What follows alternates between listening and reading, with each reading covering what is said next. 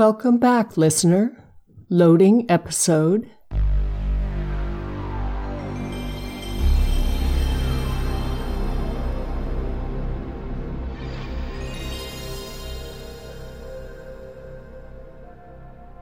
Loading completed.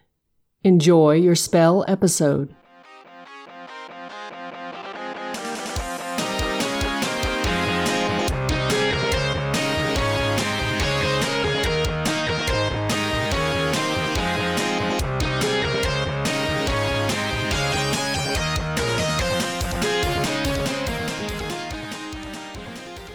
Hallais, og hjertelig velkommen til Spill. Podkasten der vi snakker om eldre, men også nye spill. Og Spill er en podkast som drives av meg, Adrian Haugen, og Håkon Puntervold. I denne episoden skal vi snakke om Sony sitt inntog i spillmarkedet. Og det å gå fra å være en leverandør til å bli en viktig aktør. Og et samarbeid som skulle føre til at de blir stående på egne bein etter hvert. Det her var nok mange sitt første møte med en ny generasjon konsoller som skulle tas fra 2D til 3D. Og Håkon, var det her ditt første møte med 3D-verden? Å nei, du sa absolutt ikke. Hei, forresten. Eh, Hallo, hallo. Hallo. du, eh, nei, vet du hva? Dette var ikke mitt første inntog i 3D. Det var på den skjære Nintendo 64-en, og var nå enn av 3D-grafikk vi kunne få på, på SNES-en, da, men det er jo ikke på nært samme nivå.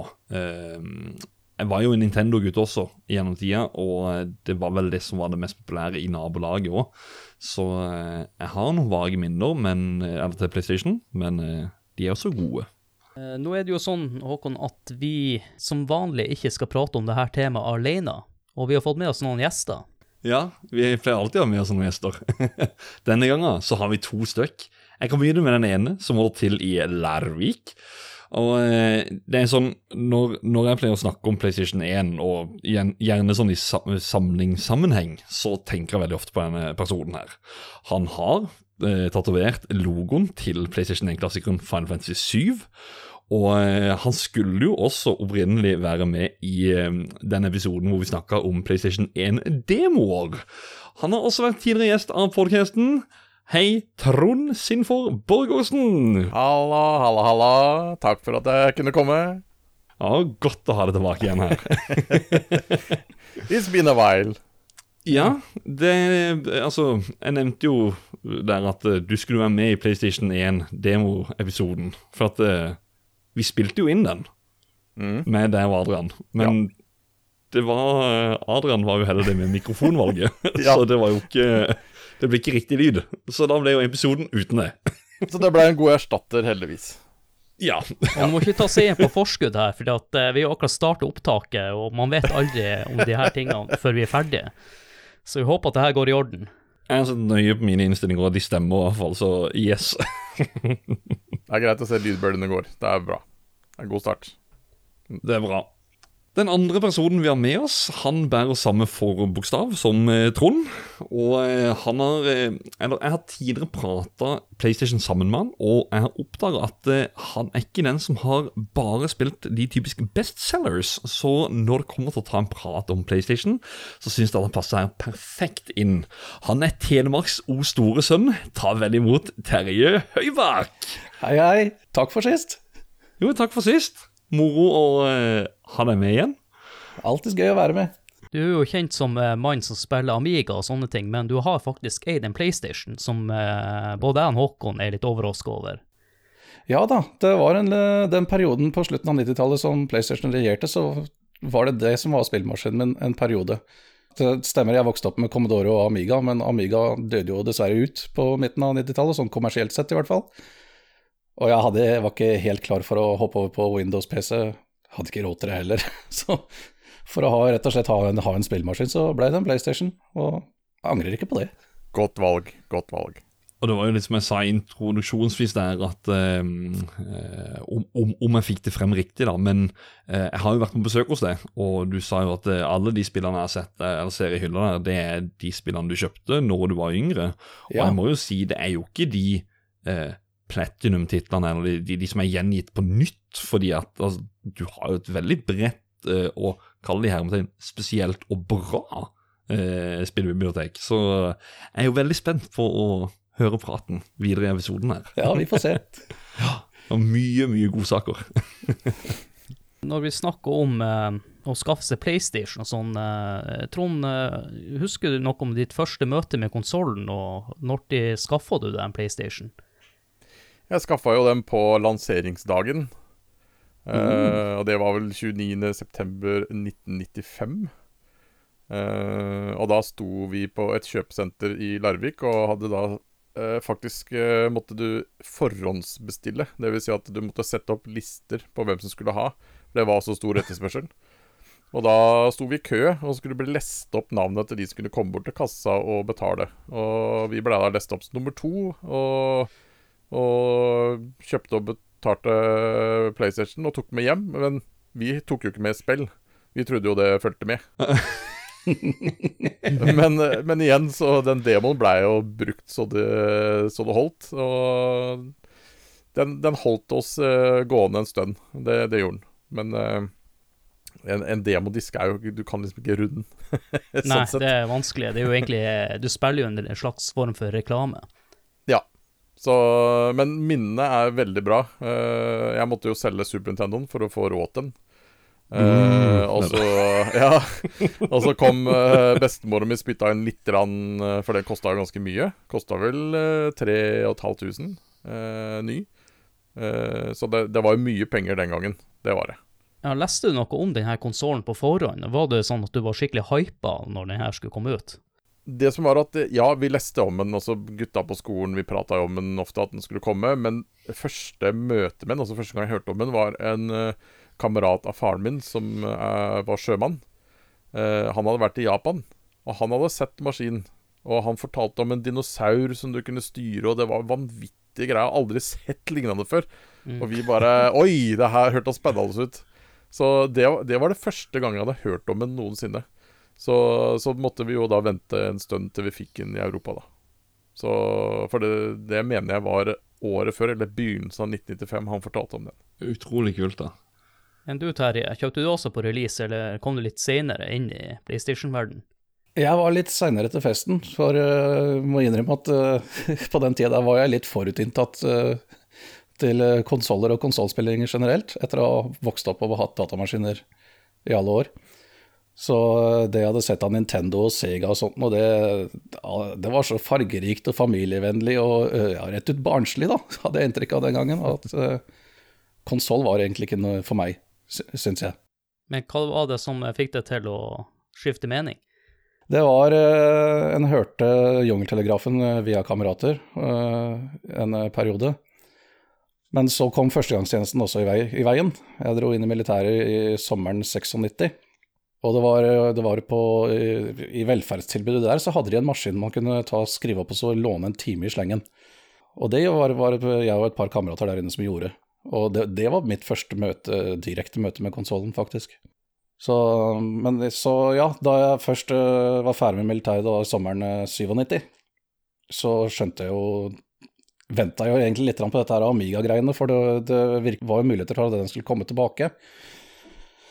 Men uh, det veit vi jo nå at det, alt det der rant ut i sanda, det skjedde aldri. Så eh, ja, som, som nevnt i stad, en hadde ikke akkurat penger nok til å hoppe på en Windows-maskin akkurat der og da, men en, en hadde jo litt dimmepenger, så vel, da ble det en PlayStation. Så en kan, kan tidsfeste det ganske nøyaktig til august 97, sånn ca. en måned etter at jeg dimma. Kanskje ikke like dyr som når han Trond kjøpte den? Jeg husker ikke nøyaktig, men jeg vil tro de var nok mer rundt 2000-2500-området da. Jeg tror prisene falt en stund, men uh, han fikk vel også utgaven som ikke var den audiofile utgaven, for å kalle det det. For det var den aller første utgaven som kom til Norge. Og eh, kjenner jeg deg rett nå, Terje, så, eh, så gjorde du ikke sånn som Trond og solgte nesten. Altså at du solgte noe Amiga 500 eller Commodore 64 for å få råd til denne maskinen. Nei, det gjorde jeg ikke. Nei. Nei. For eh, Ikke noe mobbing. Nei, nei, nei. nei. Nei, På da, ingen måte. eh, selv, Nei. om- selv om jeg kjøpte PlayStation, så var, så var også Amigaen i bruk. Så, for ja. som sagt, den, hadde dødd ut kommersielt sett, ja, men det var absolutt eh, et miljø. Og det, det er enda, for så vidt. Men, Mm. men ja, det, det var da Ja, fikk den i 97, som sagt.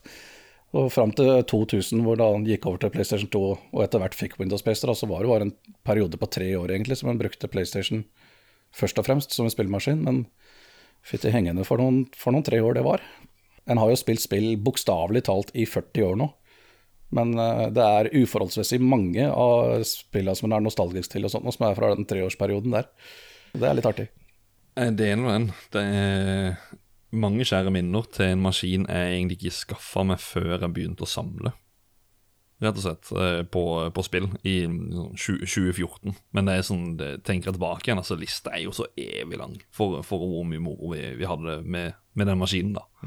Til tross at vi var Nintendo 64-folk og GameCuben og alt dette her, og SNES-en og at det, var- det var liksom det som var med seg. Ja, vi Det var sikkert bare siden vi var Nintendo-folk at vi, vi prøvde bare å rakke ned på PlayStation, selv om det ikke var noe å rakke ned på. Det var de Nintendo 64-gutta. De, de måtte prøve å holde seg til at grafikken var så bra på Nintendo. Så. PlayStation var bare dritt. Det var liksom bare sånn det var. Selv forhåndsomtalene i Nintendo Power mener jeg drev også og rakka ned på den her PlayStation-maskinen som skulle komme. Hvis jeg ikke husker feil. Ikke sant? Og måtte lagre på eget minnekort. ja. Ikke sant? Ja, ja, og nei, det er bare en dårlig kopi. Det er en grå firkanta boks, akkurat som Snesen. Aha, de kopierer bare. ja. Ja, det var noe sånt noe. Nå kan jeg kanskje si at jeg var den eneste av oss da som eh, var holdt på å si, på begge sider, da. Siden jeg fikk. Eh, PlayStation 4 Nei, PlayStation 4 skal dere høre. Jeg hører jo at det er på sommerferie nå. Det, det PlayStation 4 kjøpte jeg sjøl, men, eh, men jeg fikk PlayStation min i eh, bursdagsgave. Jeg lurer på om det var i 1996, hvis jeg ikke tar helt feil. Kanskje var 95, men jeg, eller 96, jeg er litt usikker der. Jeg ble egentlig eh, ganske sjokkert når jeg åpna den eh, bursdagspresangen, husker jeg, fordi at eh, det var på 11-årsdagen min. Så jeg hadde skjønt såpass at ting koster penger, ting er dyrt nå, så jeg malte seg så fikk jeg et spill i bursdagsgave. Men denne gangen så var det jo faktisk en PlayStation i det her, i, i, i gave, da. Ikke bare med det, jeg lurer på om jeg fikk eh, i hvert fall ett spill, og det var noe sånn roboter. Jeg ikke, husker ikke farta hva det heter. Sånn fightespill. Åh, eh, ja, jeg tror jeg vet hva det heter. Eller hva det, hva det Ikke hva det heter, men hva det er. Mm. Ja, ja. Nei, jeg prøvde å komme på det sjøl, men ja. Mm. Kjempedårlig. Vi sitter samme, vi sitter sammen, med samme jernteppe alle sammen, det høres ut som. Men greia var også at, um, at på denne tida så var det jo sånn at uh, mange hadde ikke råd til konsoller. Så uh, den høsten der så var det mange som uh, kjørte sånn slags PlayStation-bursdager. Og jeg lovte min uh, kompis Tom Arne at jeg skulle name-droppe han. Jeg husker hans bursdag ganske godt. Da hadde han leid seg en PlayStation 1. De spillene han hadde var um, ah, Hva heter faktisk spillet? Let me guess, Battle Arena to Shinden. Battle Arena to Ja. Shinden og så Adidas Power Soccer var de to spillene han hadde lånt. Men vi spilte nå Battle Arena to Shinden. Eh, Så det er en bursdag jeg husker utrolig godt. Jeg husker også før jeg fikk PlayStation at eh, jeg også lånte PlayStation på videoverden. Mm. Jeg har en til historie fra en PlayStation-bursdag, men jeg skal spare til litt senere når jeg skal snakke om eh, det ene spillet jeg skal eh, gå litt i dybden på. Ja, det som er artig med å leie, selv om vi hadde en sjøl, så leide vi også en i tillegg for å, for å linke spill. Så, så måtte det ha to PlayStationer, så, så vi gjorde det for å spille Destruction Derby eller Wipeout eller til og med Doom. Så måtte vi linke på, og da måtte vi ha to spill og to uh, konsoller og to TV-er. Og en annen grunn til at mange fikk eh, en PlayStation, det var også et salgsargument sikkert for mange når de skulle ønske julegave osv., var at du kunne bruke den som en CD-spiller. Mm. Det appellerte til mange, og PlayStation gjorde jo samme genistreken med PlayStation 2, ha DVD på den, så du kunne bruke den som DVD-spiller, og som i tillegg kanskje var rimeligere mange DVD-spillere på den tida. Det var det. Men eh, nå holder jeg sjøl på å snakke meg bort på en annen konsoll som vi ikke skal snakke om i dag. Men vi skal snakke om PlayStation 1, og jeg tenkte jeg skulle fortelle dere litt om uh, utviklinga til PlayStation.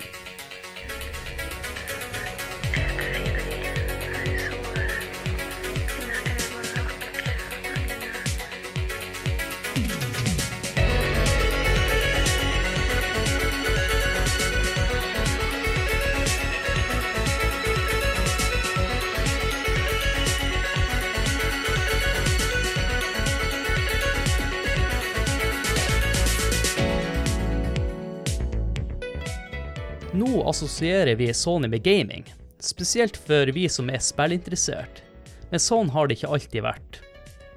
Nå skal jeg fortelle dere om elektrogiganten Sonys inntog i spillebransjen, og deres reise fra å levere konsollkomponenter til å produsere sin egen konsoll. Som jeg nevnte innledningsvis, så starta PlayStation-eventyret med et samarbeid.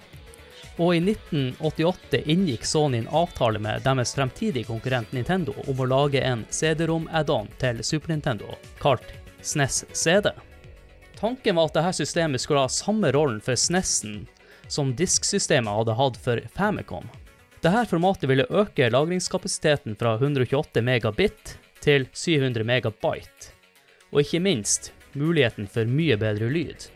I kontrakten var det ett punkt som inkluderte at Sony skulle produsere sin egen konsoll.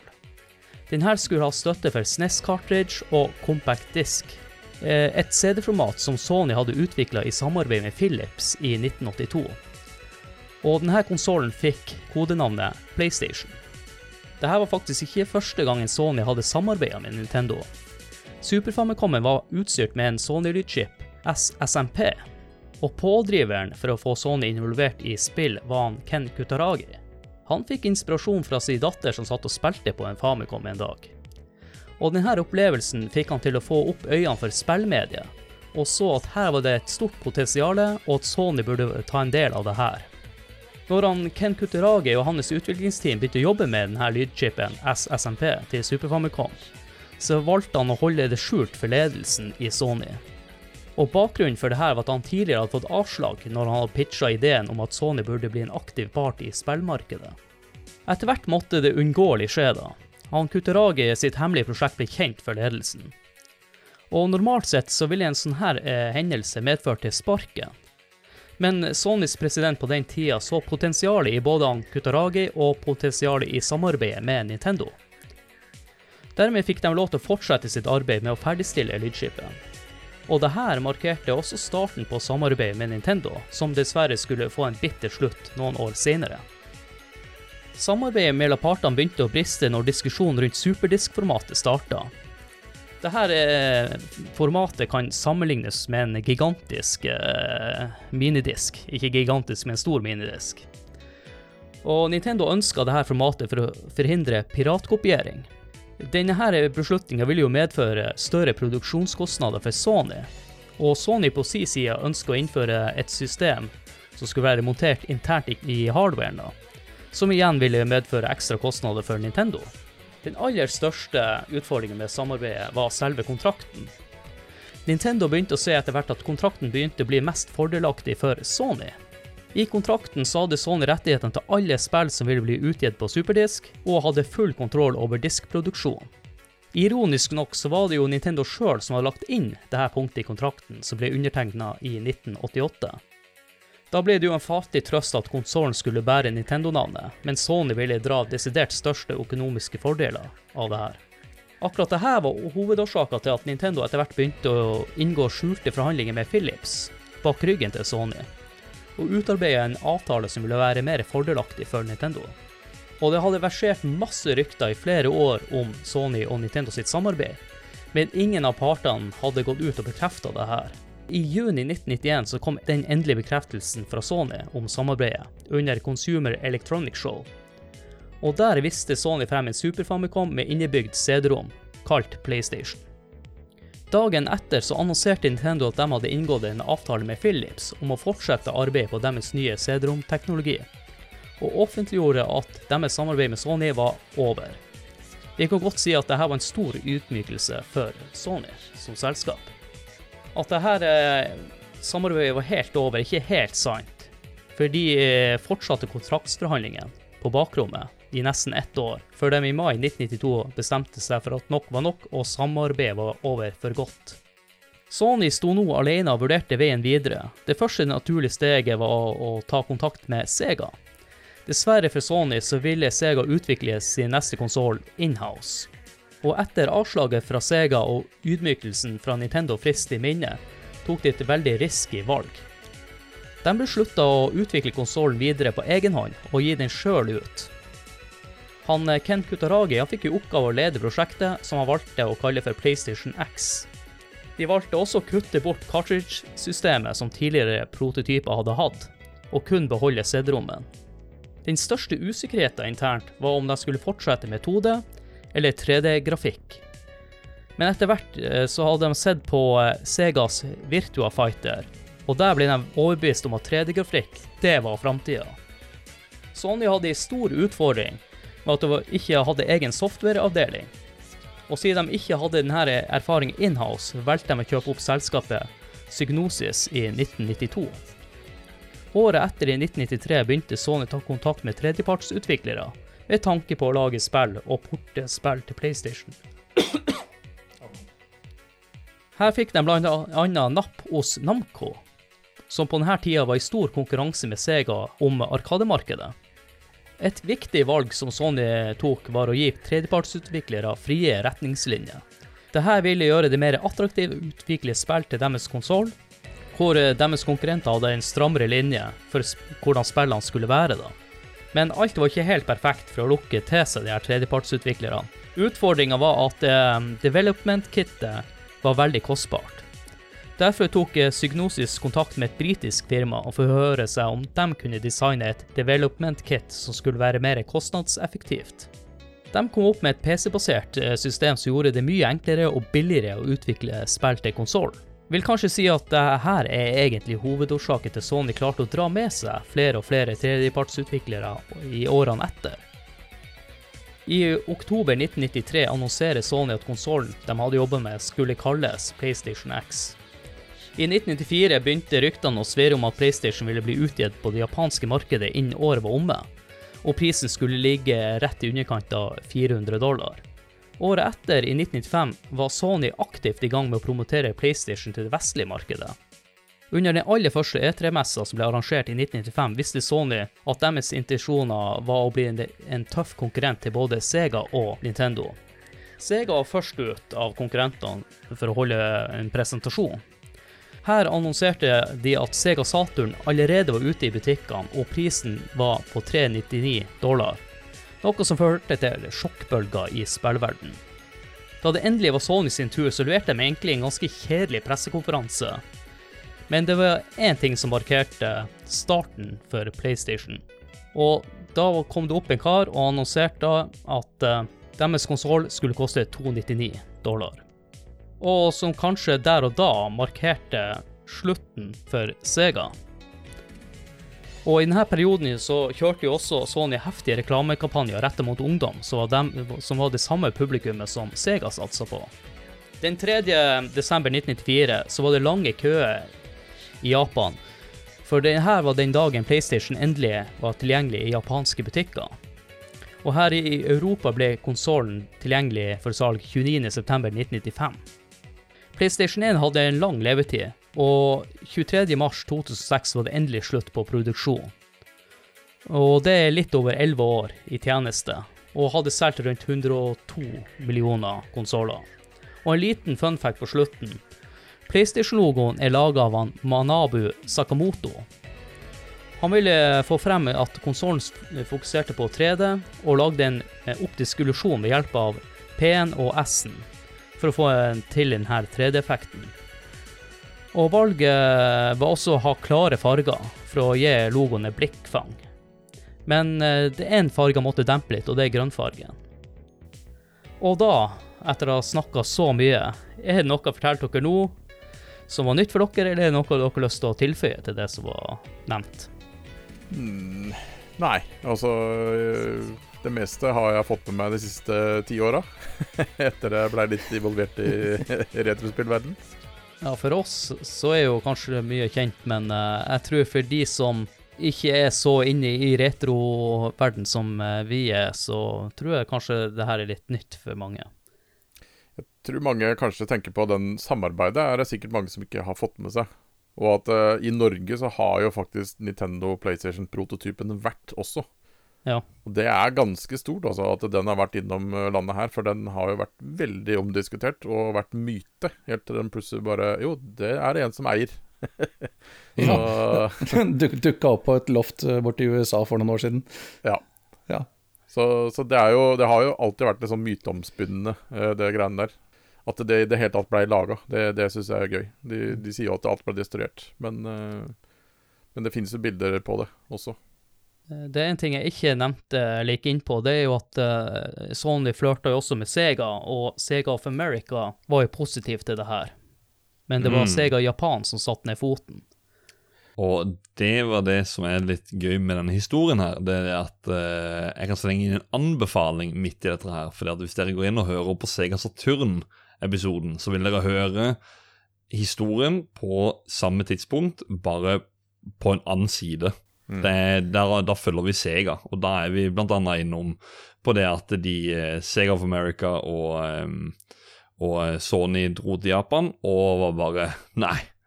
Og det er faktisk grunnen for det som skjedde med Sega. Men, men det, det, det er en annen historie. Dere må inn og sjekke ut denne Ja, og så må jeg også pitche Nintendo 64-episoden, for vi har lagd episode om alle de tre kon eh, konsollene som har konkurrert mot hverandre, og fått frem alle tre perspektivene. Ja, Det som faktisk. jeg, jeg syns er interessant, er at de første gangene når vi fikk PlayStation og det var blader eh, og sånn eh, reklame for eh, nye spill, så sto det PSX. Ikke Mm. bare PlayStation, men det står PSX på de bladene. Så det Ja. var jo det vi gikk rundt og kalte den, PSX.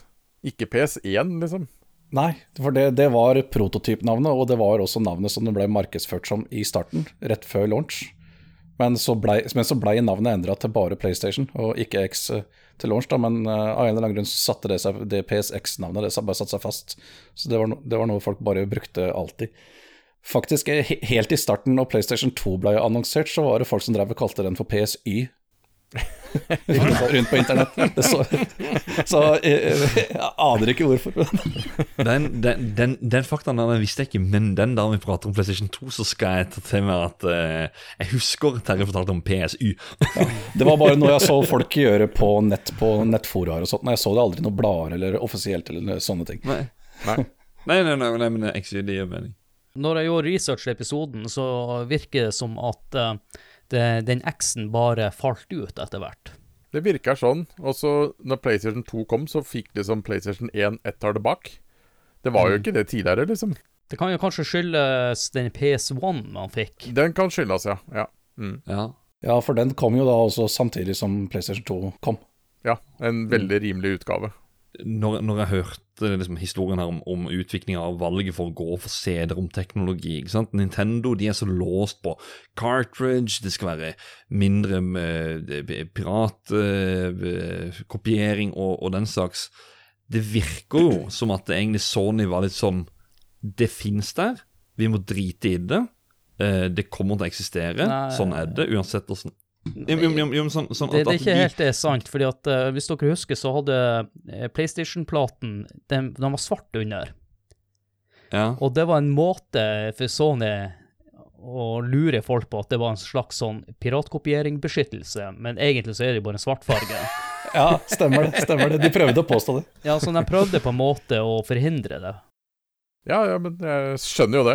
For CD-rommen er jo Det sier seg jo sjøl, til og med den tida der, at det er jo en enklere teknologi. Det er jo en Det er jo det er, det er bedre format på alle mulige måter. Det er med at de skulle eh, Sony og Nintendo sin PlayStation-prototyper at det skulle være en form for minidisk. Eh, at Sony bare hopper vekk ifra det, det tror jeg også er med og redder de veldig, med tanke på Altså, diskformat, hallo. Det er liksom sånn Ja. Må jo tenke på at Sony var jo langt eh, godt inne i musikkbransjen. Hadde handa langt ned i, i CD-produksjonen, liksom. Det var bare De var jo allerede der. CD-er kunne de trykke opp en masse i, på bare noen uker. Cartridge-produksjonen var noe som tok måneder. Nintendo var jo også så sære der at de tok ikke noe av risikoen der, sånn. De la all risikoen på utviklingsstudio. Ikke sant? Det er akkurat det. Men den eh, CD-plata snakker om, den så mer ut som at den lå i et slags cover. Ligner også litt på den Famicom-disketten, at det er sånn luka, eller noe sånt. Ja, Det, det, mm, det, mm. det minidiskgreia så egentlig ut som at uh, CD-en bare var inni et cover, så skulle du stikke den inn. var litt sånn, nesten kall det en, som en diskett-CD. Ja, ja. Jeg, jeg har sett et bilde av det. Det, det fins en uh, bilde av noe concept art, eller om det er prototype for det, eller noe. Som er laget concept-greier. Du nevnte i stad, Trond, at den historien er jo ganske kjent. Men mm. når, når jeg egentlig har gjort research på alle tre konsollene, så er det litt mer eh, Jeg føler at eh, Sony har blitt den good guyen i denne casen. Men som kommer frem her, er jo at eh, eh, man skjønner jo også motivet til Nintendo for å bryte samarbeidet, når du etter hvert innser at du ikke klarer å tjene så mye penger på det. her. Ja, men det var måten de gjorde det på Ja, som ja var problemet. selvfølgelig. Og særlig, særlig i Japan, med den æreskodeksen i, i businessen de har Yes. der. Å ta en sånn ryggdolking som de gjorde, det, det var det var liksom ikke, det var ikke bare Sony som reagerte på det, hele businessverden i Japan reagerte egentlig på det der. At det var et skikkelig skittent eh, Det var ikke sånt man gjorde. Nei. Det handler jo alltid om respekt i Japan. Her, for eh, Det er jo mye av det vi har snakka om eh, før i, i podkasten, at for hva folk har jobba med og sånne ting. Det er ikke nødvendigvis jobben du har gjort, men det, det er respekten du allerede har, som også gjør at navnet ditt kommer ut. Så det, det er sånn ja, respekt Ja. Tror jeg Sony gossa litt over at Philip Philips CDI ikke ble noe suksess. Ja, Det var jo en gedigen flopp i eh, spillverden, for å si det sånn, eller konsollverden. Det ble boller og brus på det kontoret den dagen der, ja. ja. Når vi snakker om Philips CD, så tror jeg vi må lage en episode. i hvert fall. Jeg er litt nysgjerrig å finne ut hvorfor den, eh, det gikk så galt med den. Uff, jeg har den maskinen, den er grusom. ja, den er ikke noe, ikke noe bra. vet, du hva, vet du hva, Adrian? Eh, så, ok, dette her er PlayStation-episode, men jeg sier det nå. Jeg skal sende den CD-en opp til deg, og så skal du spille noen timer på den, og så skal vi lage en episode. Zelda. Så, ja, skulle til å si det. Ingen et Jeg Zelda-spill. Er, er, det egentlig litt lyst til å prøve et annet spill som ikke har uh, allerede forhåndsdømt. Jeg har jo sett videoer av de uh, Zelda-spillene. Alle Zelda-spillerne og Mario Hotel. Og Mario Så Men som programleder så er det min jobb å få oss på rett kjør igjen, og så skal ta dere gjennom litt tørr fakta om eh, PlayStation. Den har en CPU som heter R3000 på 33,86 MHz. Og det å minne er 2 megabyte RAM og 1 megabyte VRAM, som eh, jeg er litt usikker på hva det er. Videoram. Ja, det er videoram. Du kan si det er forskjellen på rammen på hovedkortet og rammen i grafikkortet på en, i en PC, Ja. eksempel. Det, det, det er jo ikke helt massivt. To megabyte ram. Nei. Nei. Men det, de kommenterer jeg hver eneste konsollepisode vi har, at det, det er interessant å se hvor lite det egentlig var. Ja, men du, du, du kan ikke sammenligne det med en PC. For, som, Nei, for, for, det, er ikke, det er ikke samme bruksområde i det hele tatt. I en konsoll er det mye mer strømlinja. Og så uh, lyden, eh, det er en 16-bit eh, 24-kanal eh, ADPCM, hvis det sier noe, noe som helst. Nei, det gjør ikke det, selv om jeg har vært i musikkindustrien, for å kalle det det. Så sier det meg ingenting. Eh, Men så er det jo en, en smart liten ting, eller smart og smart, det er jo at det er ikke noe sånn mye internminne. Så lagringa, det var memory cards, Åtte blocks memory cards. som også var en eh, revolusjon eh, for min del. Jeg var ikke borti det systemet. Det var mitt første møte med memory cards, og det var litt vanskelig å skjønne det for en 11-åring. Kommer borti det etter hvert når vi skal snakke om litt uh, div-ting Ja. til maskin. Jeg sa åtte blocks, men det er vel 15 blocks er det vel eh, plass til på de memory cardsa. Skulle til å rette på det, men det kom ikke til. 8 megabyte tenkte jeg på PlayStation 2 nå, men eh, det er, det er 15 blocks. Han, Håkon blir vel å gå litt nærmere inn på memory cards litt senere i episoden. Men eh, en ting jeg beit meg merke i, det er jo den lange levetida til PlayStation 1. Og hvorfor tror dere at den uh, klarte å leve så lenge? Fifa. Ja, ikke minst. ja, ja jeg, jeg tror jo det. altså Jeg tror det var mange av spillene som da måtte bli gitt ut på flere konsoller. Altså De videreutvikla F.eks. Uh, Fifa ble jo uh, laga til både PlayStation 1 og 2 og Nintendoene. Det var overraskende lenge det der holdt på før de stoppa. Det var jo en sånn overgangsperiode, det er jo alltid i et generasjonsskifte, hvor uh, spillene kommer ut til begge generasjonene. Men det hjalp nok også at uh, PlayStation 2 var 100% bakoverkompatibel, så det, det var fortsatt et marked. Det de gikk an for PlayStation 2-eiere å kjøpe PlayStation 1-spill også, Ja. selv om jeg- det var nok ikke så veldig vanlig at de gjorde det. Men uh, Jeg tror også den eh, PS1 med den der han, eh, skjermen du kunne vippe opp, var med å forlenge eh, PlayStation 1 sin levetid. Ja, prisen også på PS1, eller PS1 gikk jo, var vel tusen, tusenlapp. ja, den var uh, svinbillig, rett og slett. Billigere å produsere mindre, sånn som de har gjort med alle andre maskiner. holdt jeg på å si. Det er jo alltid launch på Basino og PlayStation 4 som var, så eh, ser du også når PS4 Slim kom ut, så var han jo Han var jo billigere på alle mulige måter. Mm.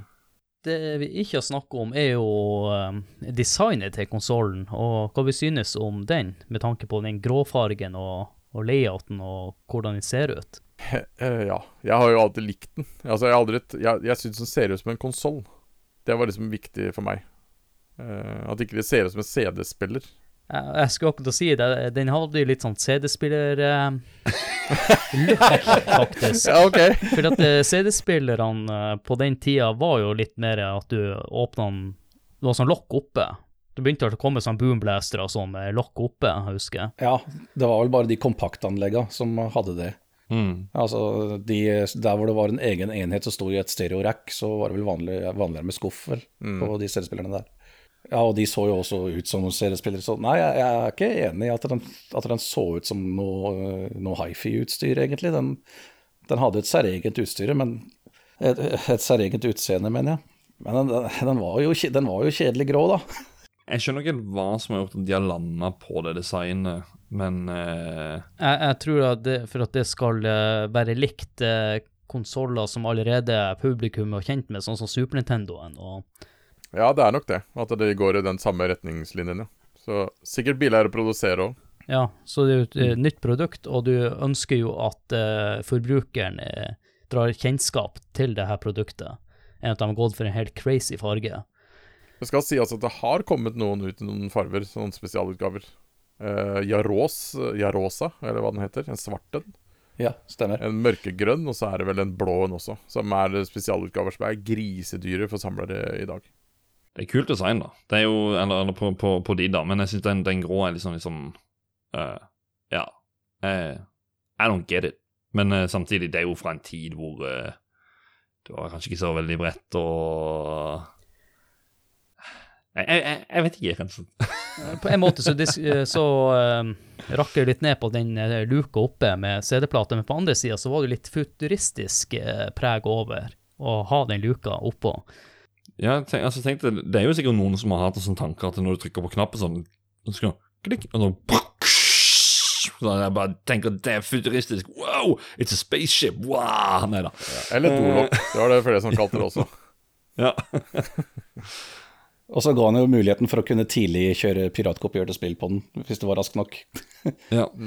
Du trengte bare å sette inn en, en ekte PlayStation 1-CD, og la han lese de første sekundene der så for, for å komme forbi piratkopi eh, kopibeskyttelsen. da. Og, så du, og da kunne du bytte CD-plata lynraskt til en eh, brent eh, piratkopi, og så ville den kjøre.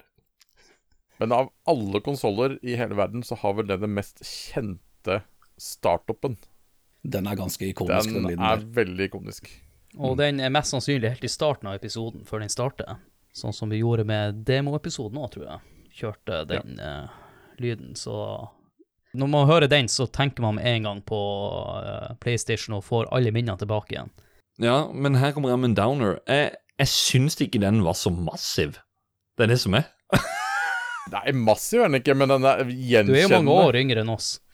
Jo, jo, jo, men den er jo, sant. altså, den er jo skrytt opp i all verdens sky. At det, det er liksom Dette er lyden av barndom, liksom. Jeg, jeg, eh, men igjen, da. Vi var jo Nintendo-folk, så det var jo sånn der eh, Den lyden var ikke noe spesiell, men selvfølgelig. Han er jo gjenkjennelig på alle eh, for, for min del, så den, den ga litt assosiasjoner til filmer som gikk på kino og sånt på den tida, med den der THX-logoen. Ja, den er Ja, Ja. med den der kraftige, og, og en ganske kraftig basslyd, da, rett og slett. For det var ikke, så, det var ikke så vanlig eh, tidligere heller, at du hadde skikkelig god trøkk i lyden på disse konsollene. Det, det, det, det var da, det var da. Det var bare ikke noe du hørte så mye. Men ja, når du kobla til PlayStation 1 første gang, og kanskje du hadde kobla noe på et stereoanlegg også da, og, og, og ja, den lyden der kom, og det, det var skikkelig trøkk. Det, ja, Ja. Ikoni, ikonisk lyd. Eneste problemet er at det, selv, om, selv om du hadde kanskje ripete CD, så visste du Var det ikke sånn at du bare satte den i, og så virka ikke CD-en? Den, den begynte jo gjerne med introen, som den pleide. Ja. Men Og så kom den der PlayStation-logoen opp med den blå skrifta, men så skjedde det ikke noe mer. Mm. Da var CD-en ødelagt. Ja, Og det, men det var ikke sånn at du bare satte i scenen, og så bare virka den ikke. Den, den begynte med introen først, og du bare Ja, det virker. Nei, det gjorde den ikke. Hadde etter fem minutter og venta, så skjedde det fortsatt ingenting etter den introen. Introen er todelt, og det er det som er at eh, det er også en ting jeg skulle si her som var litt eh, det er jo vant med Nintendo, som sagt, på cartridge-format, som gjorde at eh, det skjer sånn med en gang. Det er ikke noe massevis av loading skal skje. Så hvis spillet var litt ripete, så kunne den derre der som kommer der, og så kommer det sånn derre fring, eller hva det er for noe etter hvert, den måtte loade inn, og den bekrefta på en måte at det spillet starta. Og så må du gjennom en ny sånn meny med noe grønn skrift som kommer opp, og så endelig kommer du i gang med spillet. Og det var sånn, Når du hadde hørt den introen så mange ganger, så var det sånn Hvis spillet virka. For Nå det- må man få det til. Nå må man bare begynne. For det er der noen ganger det stoppa. Det er da bare Du venta og venta og venta. Nei, det skjedde ikke noe. Nei. Og det gikk ikke an å blåse på scenene. Det hjalp jo ingenting. Så det nei. Nei, men det, var, det- altså, det skjedde jo en litt ting i bakgrunnen, sånn teknisk sett, mens den logoen var der. Den var ikke bare til pynt. Nei, nei, nei. Det var jo oppstarten til selve konsollen, og ja, den tok og spant opp CD-en og sjekka piratkoppbeskyttelsen. Mens, mens den logoen sto og gikk der. Jeg hadde tenkt at vi skulle diskutere litt uh, CD-formatet versus uh, cartridge-formatet, men så kom jeg på i Nintendo 64-episoden, så mener vi hadde litt dypdykk i, i den diskusjonen der, da. Selvfølgelig, det er jo kanskje en av ulempene til PlayStation, var jo at spillene ble, var mer uh, fragile, tålte mindre, og ja, du måtte være forsiktig når du behandla CD-platen. I hvert fall sånn jeg følte det som barn. I hvert fall coverne. Billigere å produsere. Billigere spill. Noen av oss var voksne nok til at vi- behandla det pent, da. Ja, Så- helt enig. Men eh, ja, det var, nok, det var nok et problem for de, det var nok et problem for de som eh, var mindre, eller kjøpte det til, til mindre barn og lot de bruke det. Da kan jeg godt tenke meg at det ble ripa i stykker ganske fort, ja. Jeg kan love deg, etter de lottene jeg har kjøpt eh, de siste åra, så er det mye ubrukelig der, for å si det sånn. Ja, ikke sant. Dessverre. Og det er gjerne de barnespillene som går igjen. Barbie og, og ja, andre plattformspill. Og så var det jo vanlig, vanlig å klage på lastetidene sånn generelt sett da, på CD-ene i Ja. forhold til cartridge. Men uh, der har ikke jeg vokste opp med Commodore 64 med kassettspiller, så okay, Så, Så du er inhabil i det der, eh, den Ja, ja, la- og kritikken. Lastetidene på PlayStation er ikke noe problem, altså det kan jeg bare fortelle dere med en gang. Sånn, eh, Det kom jo masse add-ons til PlayStation etter hvert, og har lyst til å ta oss igjen av dem. Jeg syns, jeg syns Terje var inne på dette her med kassettspiller til Commodore. Det er jo tilleggsutstyr, så jeg, skulle jo egentlig kjøre inn der og si hei! Fin Segway. For det kom jo ut en hel bunch av ting. Eh, 64-episoden skal jeg mene vi begynte med kontrolleren, men den velger jeg å ta etter hvert.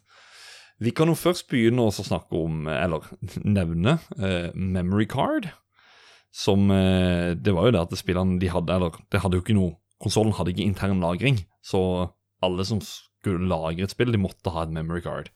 Og eh, der har jeg faktisk et godt minne av en som eh, Det var måten vi ble introdusert til Final Fantasy 7. Det var det at eh, ja, vi spilte hjemme hos meg på en PlayStation vi lånte. Så kjøpte kameraten mine, og så kommer han hjem, eh, begynner å spille det, og så er det bare Oi, jeg har ikke minnekort. Mamma, vi må ned på GameZone! Og så var det den som kjøpte minnekort. så det mm, Ja. Eh, Trond, jeg vet at du eh, har en god del minnekort. Ja, hvorfor? Nei, altså Ja, broren min og jeg, vi måtte jo ha våre saver. eh, på, vi spilte jo litt forskjellige spill. Så istedenfor Mm. Det første memory cardet ble jo brukt opp ekstremt fort. Uh, når vi begynte å få spille hus. Men så skjønte vi at vi begynte å få sommerjobber og sånne ting, så vi hadde råd til å kjøpe memory cards. Men hovedgrunnen, det er musikkprodusering på uh, Music 2000. Der har jeg vel fire eller fem memory cards som er stappings bare med musikkfiler. Jeg syns det er så kult. Og så kan du si at eh, selv om et memory card hadde 15 blokker, så var det ganske mange spill som ikke klarte seg med bare det én blokk på det minnekortet. Og det var med musikk òg, for eh, vi kunne jo sample på Music 2000. eh, Å, ja. Og da tok det gjerne to og tre blokker, selv om det samplet var på bare et par sekunder. Så, så det var jo problematisk, for du måtte jo tenke ut om du faktisk kunne bruke ting for å lagre. Så, Mm. så, så det beste man kunne gjøre, var å skru på PlayStation uten spill, og så gå inn på memory card og se hvor mange blokker ledige det var. Ja. Før du Ja, begynte for- å spille. Ja, for det var også det jeg synes det var det, det er vel kanskje mitt første møte med at du hadde en meny som du kunne gå inn og kopiere eller slette ting fra minnekortet. Du på en måte, du hadde full oversikt over det. Det hadde du ikke på for eksempel da, 64. Det var jo bare slått under, og så tror jeg det var en knapp for å wipe hele greia. Ja. Men Det eh, dette var det. Viktigste saven jeg har, det er fra Final Fantasy 7, som jeg står uh, ved siste boss, altså Sefirot. Og den, den saven er fortsatt fra den gangen jeg første gang runda det. Oh, Ja, den saven der har jeg ennå. Den tror faktisk jeg også jeg har. må ramme inn det minnekortet. Ja, det er det. Nei, jeg tør ikke å ramme dit heller, for jeg, må, jeg bruker det innimellom. Så må jeg inn og så runde Final Fantasy 7 bare med å bruke det memory cardet der. Men Mm. problemet er at noen ganger så mister man blokker. Som gjorde at det ble færre plasser å lagre på. Og det, det merka jeg med de eh, ikke Sony sine, men da det var billigere memory cards, så var det ofte at de enten ikke virka etter hvert, eller så mista du rett og slett lagringskapasitet. Ja, det lønte seg absolutt å holde seg til de offisielle minnekorta, selv om de var dyrest. Ja, det De, merka jeg fort. de gikk i hvert fall ikke i stykker. Jeg har aldri opplevd at noen av de gikk i stykker, men et par av de der eh, off-brand eh, billigsakene, de har ryket, ja. Ja. Og, man, og man, man trengte jo fort en del minnekort, for eh, som sagt, noen spill fylte opp de minnekorta ganske fort. Og sånn Grand Turismo hvor du kunne, bruke, hvor du kunne lagre reprisene etter løpet, f.eks. Ja, det var jo noen plasser. Ja, Og vi hadde jo over 60 spill totalt, så det ble Ja, jo en del eh, sant. Og så er det, siden jeg ikke hadde PC og sånt på den tida, men likte typiske PC-spill, så spilte jeg spill som Civilization 2 og Diablo på PlayStation 1, og begge de to husker jeg trengte ti blokker per lagring. Oi, såpass. Ja. Så det, da, da gikk det unna. Det er sykt. Og perfekt at du faktisk nevner de to spillerne her. For jeg skulle da si at når du snakker om saver og alt sammen, så er det en rekke med spill som eh, ofte at man må save i f.eks. Red Alert og sånne ting. Fordi det neste accessory jeg lurte på vi skulle ta en prat om, eller nevne, er jo PlayStation Mouse. Mm. Oh, ja. Den kunne du bruke til bl.a. SimCity, Lemmings, ja, Red Alert, mye sånn strategispiller. Jeg husker på PC-en at ja, vi måtte jo lagre her, der, der, der, for å ha den og den, og den levelen og mission og you name it. Brukte dere noen gang den, den eh, datamusa, eller den PlayStation Mouse? Jeg vurderte den, husker jeg, nettopp fordi jeg spilte spill som Civilization 2, men uh, så er det det at jeg tror faktisk Civilization 2 ikke er et spill som støtter den musa. Nei, for at når du, sa, når du sier nummer to, så vet jeg at Warcraft 2 ikke støttes heller, og jeg synes det er så rart. At Ja, for det det spilte jo jeg, og det spilte jeg ikke med mus. Altså, jeg kjøpte aldri mus, det kan jeg jo si med en gang. Hadde ikke noe Ja. behov for det. Men, men jeg spilte alle spill med kontroll. Jeg skjønte ikke hvorfor jeg skulle kjøpe mus til flere hundre kroner. Det, Men jeg tror noen av de der eh, Santi-strategispillene som Command and Conquer og sånt, hadde støtte for den. Command Conquer, og Red Alert, de, de hadde det, ja. Ja, men jeg var ikke så eh, glad i de spillene der eh, personlig. Jeg veit jeg tråkker på noe tær nå, for Red Alert er jo et av de mest kjente PlayStation-spillene, men der, jeg, var, jeg var ikke et fan. Jeg Jeg er ikke overraska om det kommer inn i lyttespalten. du Adrian, var du noe på eh, PlayStation Musa? Nei, det jeg glemte å si eh, i stad, var at uh, jeg hadde PlayStation i noen få år, fordi at uh, bare noen måneder etterpå, jeg tror det var sommer 97, så kjøpte jeg jo meg Nintendo 64.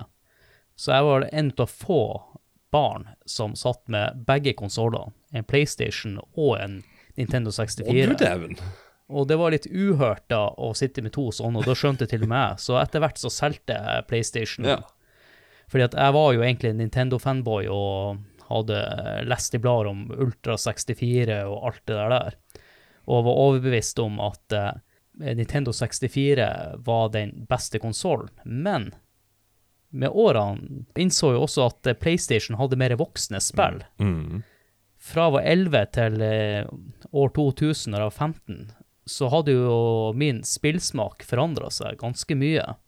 Og da var det litt kjedelig å ikke ha tilgang til å kunne spille Resident Evil, eh, Grand Theft Auto, eh, flere av Tekken-spillene og mange andre kule, litt mer voksne spill som kom etter hvert. Mm. Det er jo også litt interessant å gå for å være barn i den konsollgenerasjonen her til å bli ungdom og Så jeg fikk oppleve at eh, Nintendo 64 appellerte kanskje mye mer til barn Mens eh, PlayStation 1 Jeg skjønner godt at eh, du, Trond, som var 15 eh, når eh, du kjøpte den, eller 14-15, og Terje var litt eldre, at PlayStation 1 kanskje appellerte mye mer med tanke på spillbiblioteket. Absolutt. Ja, ja, absolutt, ja. Det er helt riktig. Selv om det, spillbiblioteket var ikke så mye å skryte av i starten. Som mange andre konsoller også. Eh, men det kom jo ekstremt mye. Det gjorde det jo. Ja, og, og den diskusjonen skal vi ta litt senere. Men eh, Håkon, er det noen flere add-ons? Eh, Du har jo den første analoge joysticken. Nei, det er ikke de som er på kontrolleren. Den um, For å forklare han da. Han ser ut som en gigantisk plate med to flystikker på. Men det er egentlig en analog stikker. Han heter Analog Joystick. Uh, og den Nei, han fungerer nok ikke på alle spill, men, men altså, han, han fungerer jo på en måte likt sånn som vi kjenner til DualShocken i dag, uh, med at uh, du gjerne styrer karakteren med venstre, og så ser du deg rundt med høyre. Så, sånn som i um, Du har spillet Descent, som er en sånn space shooter, first person space shooter. Da styrer du jo med venstrespaken, eller du styrer selve skipet med venstrespake, og så ser du deg rundt med høyre. Og jeg personlig, Descent-spillet, er ikke så veldig fan, men med den stikka her, så tror jeg faktisk det kunne vært kult, altså. Jeg har ikke prøvd stikka sjøl, men jeg har hørt at etter sigende så er den egentlig ganske grusom å bruke. Ja. jeg, er ikke, jeg er ikke sjokkert heller, hvis det er for det er jo det første analoge. Jeg har ikke personlig erfaring med så det kan jeg ikke si helt sikkert. Men så må du også huske på, som du sier, vi er vant til det som du sier, at du, vi beveger oss med venstrestikka, ser oss rundt med høyrestikka. Ja. Men det er nå. Eh, I starten, da disse her analogstikker og sånt var nye på 90-tallet, så hadde vi en del år med utvikling før vi fant en, eh, noe som fungerte når det gjaldt eh, hva disse stikkene skulle brukes til. Det var eh, veldig mange rare kontrollmetoder i starten. der. Det var ikke vanlig det, at eh, man gikk med venstrestikka og så seg rundt med høyrestikka, nødvendigvis. Nei, det er en stilig sak. Et eh, gigantisk beist. eh, har, har, har bare sett på bilder. Ja. Men en annen ting som ikke er et sånn eh, gigantisk beist, men som vi gjerne kjenner igjen fra f.eks. Arkadehallene, det er Namco Guncom, eller som han heter her i Europa, så er det G-com. Sikkert for sensurering av gun, jeg vet ikke. Men ehm, jeg vil jo si Duck Hunt til NES, ja, det er kult det, men å få Time Crisis hjem i stua, altså, hallo. Kom bøndla med Time Crisis. Uh, jeg sjøl har bare testa den bitte grann hos en kamerat, og det jeg husker, det er at det var gøy. Det var dritkult. Det var gøy, men veldig ensformig. Så Ja. vi, vi leide det, vi. Uh, kjøpte aldri det sjøl. Men sånn innimellom så leide vi det. Nei, for jeg tror den lyspistolen den var ganske dyr, var den ikke det? Jeg, jeg husker ikke prislappen på den, men ja, den kosta mye mer enn en kontroll, ja. Ja, ikke sant? For jeg, husker, jeg også sikla på den, men jeg klarte ikke helt å forsvare prislappen. For jeg, jeg for min del var litt gira på det der eh, spillet som het Area 51, husker dere det? For den arkademaskinen sto i den militærleiren da jeg var i militæret, så den hadde spilt veldig mye der. Å ja, oh, ja, og du var, du Jeg tror var du sa at den sto, sto i Area 51 når du var i militæret der. Ja, du var i militæret i Area 51, eller var det passa jo veldig. Ja, en av de mest øde leirene i Norge òg, Porsangmoen ute på Finnmarksvidda der. Så, så det passer jo veldig bra. Men eh, Så ja, jeg hadde litt lyst til å spille Area 51 med pistol eh, hjemme i stua òg, da, men eh, det blei aldri noe av. Det er aldri for seint. Jeg vet at det finnes mange på Finn. Ja, det gjør det, he det, gjør det helt sikkert. Jeg har en sjøl som jeg tror jeg fikk av deg, Håkon. Hvis jeg husker riktig. Uh, Ja, dæven, ja, det gjorde du. Og den har jeg brukt én gang. Ok, er sånn- nedtur. Ja, ja, ja. ja. Men, men, men får man kompiser på besøk, det er jo det som er gøy, så setter bare på et spill Ja, som ikke har spilt på en stund, og så spiller vi det. Og da kan Det det, godt være Time Crisis. Men det må jo nevnes at jeg syns designet på den er jo ganske kul. Ja. Ja. veldig. Veldig. Absolutt. Det, det kommer jo flere pistoler, da, men, men jeg føler på at det, det er den som er den kall det, mest lisensierte av de alle, og mest kjente. Den som fulgte med Time Crisis. Føler deg som en agent når du holder den. Litt sånn. Men du nevnte jo også det med, med uh, multiplayer, eller spille spill med kompiser, og uh, der spiller man jo ofte av og til sånn arkadeporter eller fighting-spill, og da mener jeg at det er veldig, veldig godt med en arcade stick, eller som Adrian liker at jeg sier, fight stick. Ja. Der har du jo bredt utvalg. Eh, Askiware, som eh, du, Trond, eh, kjøpte til deg og leverte til din fru, som tok med seg hjem. Yes. Det er jo en eh, sånn PlayStation 1-forma stikke. Um, designet er kult. Spaken er OK. Knappene, eh, i min bok, er ingen høydere. Fordi at det, det Ja, det er ikke Det er ikke Arcade Perfect, syns jeg. Nei. Der er det jo eh, Namco som kommer ut med noen utrolig kule grå noen med gule knapper, og så balltopp-stikke med gul ball på. Bare frekt, kult, eh, enkelt design, og så det, det er per dags dato helt OK knapper å stikke. Mikroswitcher og ja, digger det. designa av Hori, faktisk. Så, og de er veldig, ve veldig kjente for å lage tredjepartskontrollere og stikker og you name it. Mm. Vet ikke om dere er noe på, på, på den fronten her. Arkadestikke og Nei, jeg kjøpte den jo som sagt av deg, så jeg, ja, jeg har spilt Street Fighter-spill med den. Og jeg syns den funker veldig fint. Jeg foretrekker den foran øh, øh, kontrolleren, ja. Det gjør jeg. Eh, nei, jeg, jeg hadde noen fighting-spill, men uh, jeg spilte det ikke nevneverdig mye i forhold til andre spill, så det var heller ikke en investering jeg helt så verdien i. En uh, Du, Adepate, er det, er det en eh, Er det en minneverdig greie for deg å sitte med arkadestikken på fanget og Nei, ikke akkurat. Jeg har jo nevnt at uh, fightingspill er ikke noe for meg helt, men vi skal gå nærmere inn på det litt senere, for det, det finnes unntak. Ja. Vi kan ta neste. Det er jo, eh, som vi nevnte, den kalles slim-utgaven av konsollen, eller den PS1, den mindre utgaven. Der ble det lagd et ekstrautstyr som gjorde at hei, du kan jo plutselig ta med deg maskinen på f.eks. biltur med familien, og sitte i baksetet der og eh, sitte søsken da og spille Street Fighter på biltur. det var en eh, PS1 LCD-screen som du bare enkelt kobla til på baksida, og så vippa du opp. Så gikk strømmen via den og videre inn i konsollen. Så kunne du koble til f.eks. en biladapter, eller en helt vanlig strømledning da, til, til konsollen.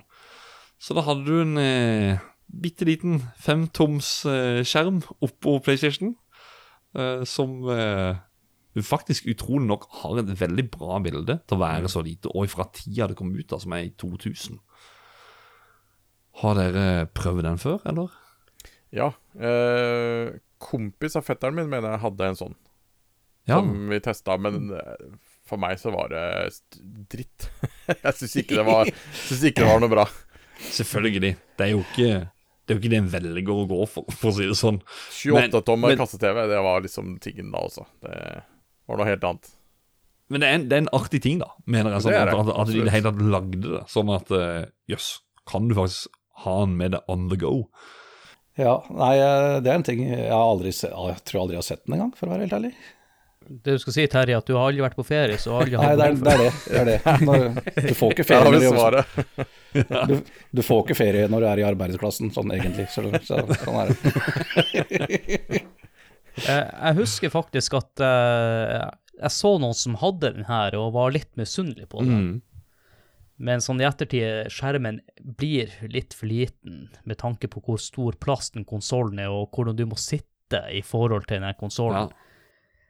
Nei, det, det funker ikke for meg, i hvert fall. Det som sikkert gjorde han kul for min del, da, er jo det at jeg var jo ti år når han kom, så det, det er jo sånn Det er jo min store drøm da, i den tida, sikkert sitte med eh, med den konsollen eh, bare gjemt under puta. Så når mamma eller pappa liksom går ut av rommet, eller eh, jeg vet de har gått opp i andre etasjen, så er det sånn Hei, bare flipp den frem, og så Oi, shit, de kommer ned. Bare ned med skjermen, under puta, legg den ned igjen. Nei, det har gått ut? OK, ta den frem igjen. Spill. Men så er det the last one, the big one. Det er jo den som vi ikke har snakka om. Det er kontrolleren. Um, kom ut i litt forskjellige utgaver. Kom jo først uh, vanlig plane, kontrolleren. Uh, første designet på, på PlayStation-kontrollen generelt. Den var først uten analoge stikker. Eh, og så er det sånn at folk tror jo gjerne det neste var DualShock. Det er der folk må huske det er ikke DualShock som var det neste. Det er Dual Analog Controller, som faktisk uh, i min bok er en uh, egentlig bedre kontroll. Det, det, er bare det at han, han, mangler jo vibrasjon, eh, som ikke kom før i DualShocken. Men stikkene var sånn bua nedi, sånn at du, du fikk liksom tommelen nedi. Eh, sånn som vi kjenner det da med f.eks. PS4, PS5, Xbox, you name it. Alle de har en sånn kurve eller sånn da, som gjør at tommelen passer greit nedi. Og så eh, har han en flight mode, eh, som, som han blir kalt, eh, som også går etter den der analog joystick som jeg nevnte eh, tidligere her. Og det er at han ja, skal da fungere på akkurat samme måte. Og da lyser um, For å aktivere den, så må du trykke på knappen analog som er på kontrolleren. Hvis du trykker der, så lyser den rødt. Trykker du igjen, så lyser den grønt. Det er, sånn der, det, det, det er sterkt minne for meg at uh, naboen han hadde den kontrolleren der, faktisk. Uh, mye, mye, mye, mye bedre, spør, spør, du meg. Jeg foretrekker den andre. Hvis jeg skal ja, altså Etterpå så kom jo DualShock, som var de svære kulene oppå. Som var liksom en litt annerledes analogstikke, men med, med vibrasjon, da. Og de her eh, kontrollerne, det er jo et resultat av eh, Nintendo 64 sin kontroller og motsvar til den. Ja. For den eh, joysticka var jo veldig revolusjonerende når eh, Super Mario 64 kom mm. ut. Og så hvordan du egentlig kunne styre spill. Så eh, Sony den så jo at eh, det her var en veldig fin ting å ha. Og jeg ville bare si det med en gang, at eh, som denne spalten heter add-ons. DualShocken er en add-on, de to joystickene. Og det irriterer meg den, den, dag i dag at PlayStation har valgt et design som opprinnelig er en tilleggsfunksjon, for allerede da så var piltastene som, som var den hovedstyringsenheten, og analogspakene var en tilleggsfunksjon. Og at de valgte å gå videre med det konseptet, det kan ikke jeg skjønne. Og jeg syns Nå tramper jeg sikkert på, på PlayStation-fans her, men det er noe av det mest malplasserte også med, med hvor stikkene er. Jeg syns de, Nå sitter jeg med tomlene og, og bøyer de ned. Det er, det er, fortsatt så feil. mm. jeg, kan jo skjønne den ene, ene joysticka som eh, både Nintendo og Xbox har lagt den på høyresida, for der er knappene som er hovedfokuset på høyrehånda. Mm. Og på venstrehånda så er det jo som du sier, Håkon, den tommelen han forsvinner litt kunstig langt ned. Jeg kan ikke forstå at Sony valgte å gå videre med det konseptet og ha en kontroller fra 1994 til å fortsatt være standarden for sin konsoll, og ikke klarte å gå, videre fra det. Det blir jo som Nintendo skulle valgt Super Nintendo-kontrolleren, som var fantastisk, og enda kjørt med den, for å sette litt på spissen. Det er et uh, veldig vanlig kritisk punkt mot uh, kontrollen du kommer med der. Det er veldig mange som påpeker akkurat det samme, at de har litt problemer med stikkeplasseringa. Personlig så har ikke jeg det, men det er kanskje bare Det er mulig det bare er en vanesak, rett og slett. Ja, for mm. det var det jeg skulle egentlig spørre om. Når du kjøpte PlayStation, var da Fikk du da den med stikker, eller fikk du den Nei, du fikk den første. Det var de originale digitale kontrollene. Den okay. analoge kontrollen den kom samme høsten, eh, ja. mener jeg. Bare, bare, noen måneder etterpå. Men eh, jeg gadd ikke bytte til den, det så jeg ikke noe hensikt med der og da. Jeg kan ikke huske om vi kjøpte kontroller. Det kan være fullt mulig. Jeg har jo mange kontrollere. Jeg kan ikke huske uh, hvor mange vi hadde til PlayStation 1. Men jeg tipper at vi kjøpte den i tillegg for noen spill. Ja, eh, når DualShock-kontrollen ble annonsert og kommet, så begynte det for alvor å komme spill som krevde at du hadde analogstikkene. Mm. De var, de var, spillene var egentlig ikke spillbare uten. Og da bytta jeg. Da kjøpte jeg to DualShock-kontroller og pakka vekk de to digitale. Ja. mm. Mm. Men det tror, jeg, det tror jeg var året etter, så 98 eller noe. Kan nok stemme. Jeg Ja. vet at de havna i huset hos oss, men jeg husker ikke om vi hadde én eller to. Nå tenker jeg at vi tar oss en liten pause, så skal vi begynne å fokusere litt på spillene som kom til PlayStation. goody, goody, goody.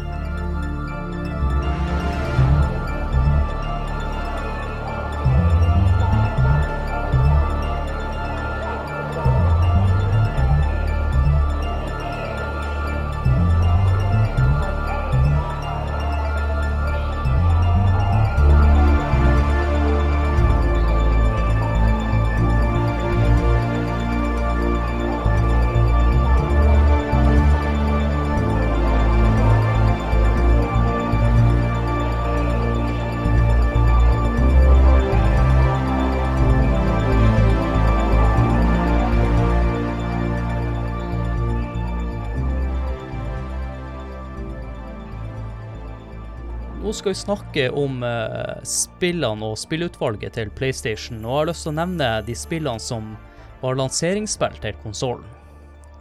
Det var Battle Arena Toshinden, som han eh, Håkon nevnte i stad. Så har du ESPN Extreme Games. Og så har du et som heter Keylak, det er DNA Imperative. Og så har du NBA Jam Tournament Edition. Powerserve 3D Tennis. Det er Ryden Project. Rayman og Ridge Racer. Hva dere synes om det her utvalget av titler? Nei, altså, Det var jo det som var når vi skulle kjøpe PlayStation på lanseringsdatoen, så var det jo de spilla der som sto i hylla. Uh, og det var jo ikke sånn kjempevalg, og det var derfor vi trodde det fulgte med spill, da. Men eh, demoen viste jo andre spill enn de som du nevnte der, f.eks. Mm. Så i hvert fall her i Europa, da, vel å merke. Men hvordan spill gikk dere for da dere først kjøpte spillet, eller var det noe som ikke var på denne lista? Det kommer jeg til etterpå. Ja. Og han Terje, han eh, Du kom jo litt seinere inn, og jeg fikk et robotspill. Men eh, ja, ja, altså av de lårspillene, det, var- det var jo ganske god variasjon. Og eh, du nevnte The Raiden Project, som jo er bare ports av to arcade shooter maps. ups. Som eh, to veldig bra Arcade Shooter Maps. Ja, Ja, så, det, konge. så det er faktisk noe jeg plukka opp på tilbud i, i etterkant. Man kan jo si at uh, lanseringsspillet er veldig arcade. ja. Eh, utenom uh, kanskje Rayman, som egentlig overraska meg at det kom så tidlig Mm. ut. Jeg husker at det kom mye seinere. Ja, til sin tid. Ja, men tenk på grafikken og at det er en 2D-plattformer, så kan jeg skjønne det, men jeg syns grafikken var utrolig bra. Ja, jeg skulle til å si det samme sjøl, at det, grafikken der er jo eh, utrolig pen. Det, det, det er faktisk et spill som generelt som har overraska meg litt på grafikkfronten. Det hadde det DOS-spiller, for eksempel. Det er sånn, hæ, ok. Så, mm. Men jo, det er en god liste. Ja, og etter hvert så um, ble det jo lagd utrolig mange spill til konsollen her, og som jeg nevnte tidligere i episoden, at eh, PlayStation, eller Sony, gjorde det enkelt for tredjepartsutviklere å lage spill til konsollen. Og det kosta ikke så mye heller. Og resultatet er jo det at eh, jeg prøvde å finne sånn nøyaktig tall hvor mange spill som ble laga til konsollen. Jeg har funnet alt fra 2580 til opp mot 8200 spill totalt. Ja, jeg kan skyte inn at uh, vi hadde jo en komplett europe eller skandinavisk uh, samling på messa i 2015. På Retrospillmessa. Og da var det vel rundt 6000 spill. Nei, det er helt sykt. Ja, det er helt uh, Ja. Hvem var det som klarte å samle alle de spillene, du runder ned på? Ja, Og hvor mye piss er det, er det i den samlinga? Eh, en annen ting som eh, jeg husker folk i klassen etter hvert begynte å gjøre, noe som irriterte meg fordi at jeg hadde ikke muligheten til det til Nintendo 64, det var at eh, mange chippa konsollen sin, og var noen av dere som chippa konsollen? Nei, jeg gjorde ikke det, for jeg, jeg så ærlig talt ikke behovet. Eller jeg visste om behovet, men jeg hadde ikke så tilgang til å Jeg kjente ikke noen som drev og brant og piratkopierte PlayStation-spill, eller importerte utenlandske, så jeg hadde, jeg hadde ikke behov. Den historien forandra seg da jeg fikk PlayStation 2, da. Den ble chippa ganske fort. men, men det var da. Ja.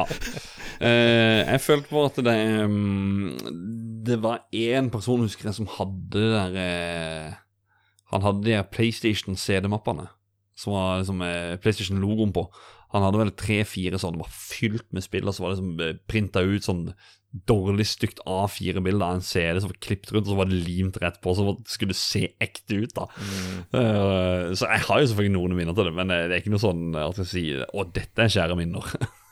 det er så absolutt ikke. Men det du, Adrian og Håkon eventuelt, som hadde Nintendo 64, det dere ikke fikk gjort Dere kunne ikke sette cartridgen i stereoanlegget og høre på musikken. Det kunne vi med PlayStation. vi, Ofte, ja. Å, likte vi god musikk? Nei, da satte vi den i, i, play- i stereoanlegget, så hørte vi på soundtracket. Jeg hadde faktisk med meg PlayStation-spill i bilen, og hørte Ikke på det i, sant? i bilen. Ja, samme her. Yes. Ja, det er sheriff. Jeg hadde med meg 64-en og en TV og bare Nei da. Bærte rundt på batteri i sekken og Nei da. Nei, nei det, det, er, det er faktisk noe jeg syns er kult også, at det, musikken fulgte med eh, på Jeg kan informere lytterne om at det er tolv år mellom Håkon og han Terje her, bare for å sette litt perspektiv. Det er derfor kanskje ikke eh, Ja, Håkon og Terje sitter med to litt forskjellige minner til PlayStation, Yes. som vi trygt sier. Ja, det er greit å ha litt forskjellig perspektiv på ting, da. Å, absolutt. Ja. Og når vi er inne på minner, eh, skal vi rett og slett snakke om eh, noen spill vi har lyst til å ta fram. Ja. Vi har jo i forkant valgt ut et par spill som vi skal ta oss og nevne, som vi gjør i disse konsollepisodene. Hvem skal begynne? Nei, altså Eh, Hvis ingen har lyst til å kan, jeg kan rekke okay, opp handa. Terje, har du lyst til å begynne? Eller Terje. Ja. Jeg, jeg- beklager, jeg er nordlending, så ikke alltid hører forskjell på dere fra Østlandet. Så jeg tar det på min kappe. Men eh, hvis du har lyst til å sette i gang, eh, Trond, så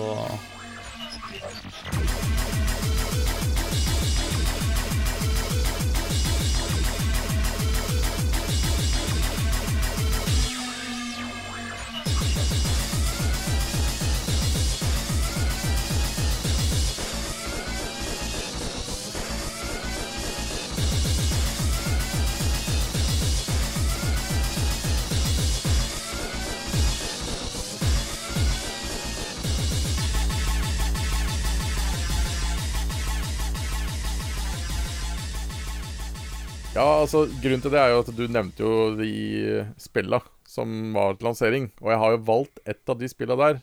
Eh, og det er jo fordi at eh, etter man hadde brukt opp demo 1, så var det på tide å tømme sparebørsene og, og gi litt ekstra gode klemmer til bestemor og sånt. Og da fikk man jo kjøpt sitt eh, første spill, og det var Rich Racer. Og, og det er jo et arcade bilspill. Eh, som eh, var porta eh, rett og slett fra Arcaden som kom i 1993. Og, og, og det å få et bilspill inn i sin egen stue, det var jo revolusjonerende i seg sjøl, med den grafikken. Ja, det så jo sinnssykt Ja, ut. og selv om spillet er relativt kort, du kan runde det på under en halvtime, fordi det er én bane som blir bare litt lenger eh, jo flere race du vinner, og så må du kjøre baklengs etter du tror du har runda det, som du får rulletekst og sånt. Så spillet i seg sjøl er ganske enkelt, men det har så nostalgifaktor. Og jeg har jo fortsatt det første eksemplaret, altså det som jeg kjøpte, det har jeg ennå i samlinga mi, eller som, ja, som alltid har vært med meg. Tar det fram innimellom, sitter og spiller det. Eh, og jeg tror jeg kjøpte det ca. en måned etter vi fikk PlayStation 1 i hus. Cirka en måned. Jeg må bare spøke litt med uh, spesielt dere som er samlere. Har dere planlagt, uh, kanskje litt dumt å si det, men når dere dør, skal dere ha sånn vikinggrav da, der du skal bli begravd med Ridge Racer? Nei, det, det skal stå 'game over' uh, på gravstein. Kanskje, kanskje Ja. ikke det, men end of Eller et, et eller annet relatert. Ja, Så har du ikke lyst til å spille Ridge Racer i, ditt- i ditt Nei, da tar jeg med et annet spill, gitt. men, men det er liksom Det er det første minnet med et spill. Altså sånn og eierskap og sånn. Så det har, det har en stor tilknytning til meg. Det har det. Veldig stor tilknytning. Ja, det er morsomt at du nevner Rage Ridge Racer, for jeg husker vi lånte eh, PlayStation 1 på videoverden, og da lånte jeg Ridge Racer. Og det var også det spillet man kanskje så mest i butikkene på den tida PlayStation kom til Norge. Så stort sett Ridge Racer som sto i maskinen. Ja. da. Så jeg tror veldig mange ut av dere som hører på, var vel kanskje deres første møte med PlayStation var Ridge Racer. Mm. Det og Destruction Derby. Eller Derby, som det heter. Mm. Ja. Terje, du smiler lurt. Ja, uh, artig han skulle nevne akkurat det, for uh, uh, som sagt, jeg, jeg kjøpte den jo ikke før på høsten i 97, så de første to spillene jeg kjøpte, det var Tekken 2 og Destruction Derby 2. Ja, jeg hadde sett en video av Destruction Derby og krasjebil, det er alltid gøy. Men uh, det er ikke det jeg har lyst til å ta fram og snakke om. For eh, et spill som uh, ikke blir snakka så veldig mye om, men som jeg syns fortjener å bli snakka om, er et som heter G-Police. Det er elsket av ca. halvparten som spilte det, og ha hatet av resten. Men Bra utgangspunkt. Yes. Nei, eh, det, det er et slags futuristisk helikopterspill. Hvor du er på en eh, måne rundt Saturn og er, eh, flyr politihelikopter, rett og slett. Men i denne dystopiske framtida så er det da digre selskaper med egne hærer og slike ting som har interne maktkamper og sånt, og du skal prøve å holde ro og orden i det greiene der. Og vel, det er ganske god variasjon i oppdragsstrukturen. Og en faktisk eh, ålreit historie om konspirasjoner og plot twists og greier. Så det fortjener å bli spilt. Problemet er at det er litt vanskelig å spille det. Ja, jeg skal akkurat si det. Jeg hadde en kompis som hadde det, og vi syntes det var utrolig vanskelig, så vi visste ikke helt hvordan, eh, hvordan man skulle komme oss videre, eller hva det gikk ut Eh, kontrollen har en litt bratt lærekurve, men når du først har lært kontrollen, så, så sitter den, og det, det, det er egentlig ikke vanskelig i det hele tatt når du først har bare fått det i fingrene, hvor de forskjellige funksjonene er hen. Det her støtter også analogkontrollen, ja, men eh, dette er da et av spillene som ikke fikk til å designe en god analogkontroll, så ikke tenk på det, bare slå av den. Og, og spill det bare med de digitale knappene, det kan, kan jeg bare si med en gang. Det, det, det lar seg fint gjøre å lære, og når du først har lært det, så fomler du ikke noe med det. noe. Og da er det, det er egentlig ganske gøy. Det er, jo, det er jo litt sånn Du, du selger det egentlig bra inn, da, for det er jo et spill for meg som bare har vært sånn eh, Nei. Eh, det, det, det, altså, du så jo på coverne på, til, til spillene. Altså, det solgte aldri inn, da. Men eh, det hørtes jo mer og mer interessant ut å, å sjekke ut den dag i dag. Og eh, jeg vet også at det er noe ganske deilig musikk til det spillet, som jeg tror vi skal ta oss og høre på. Ja.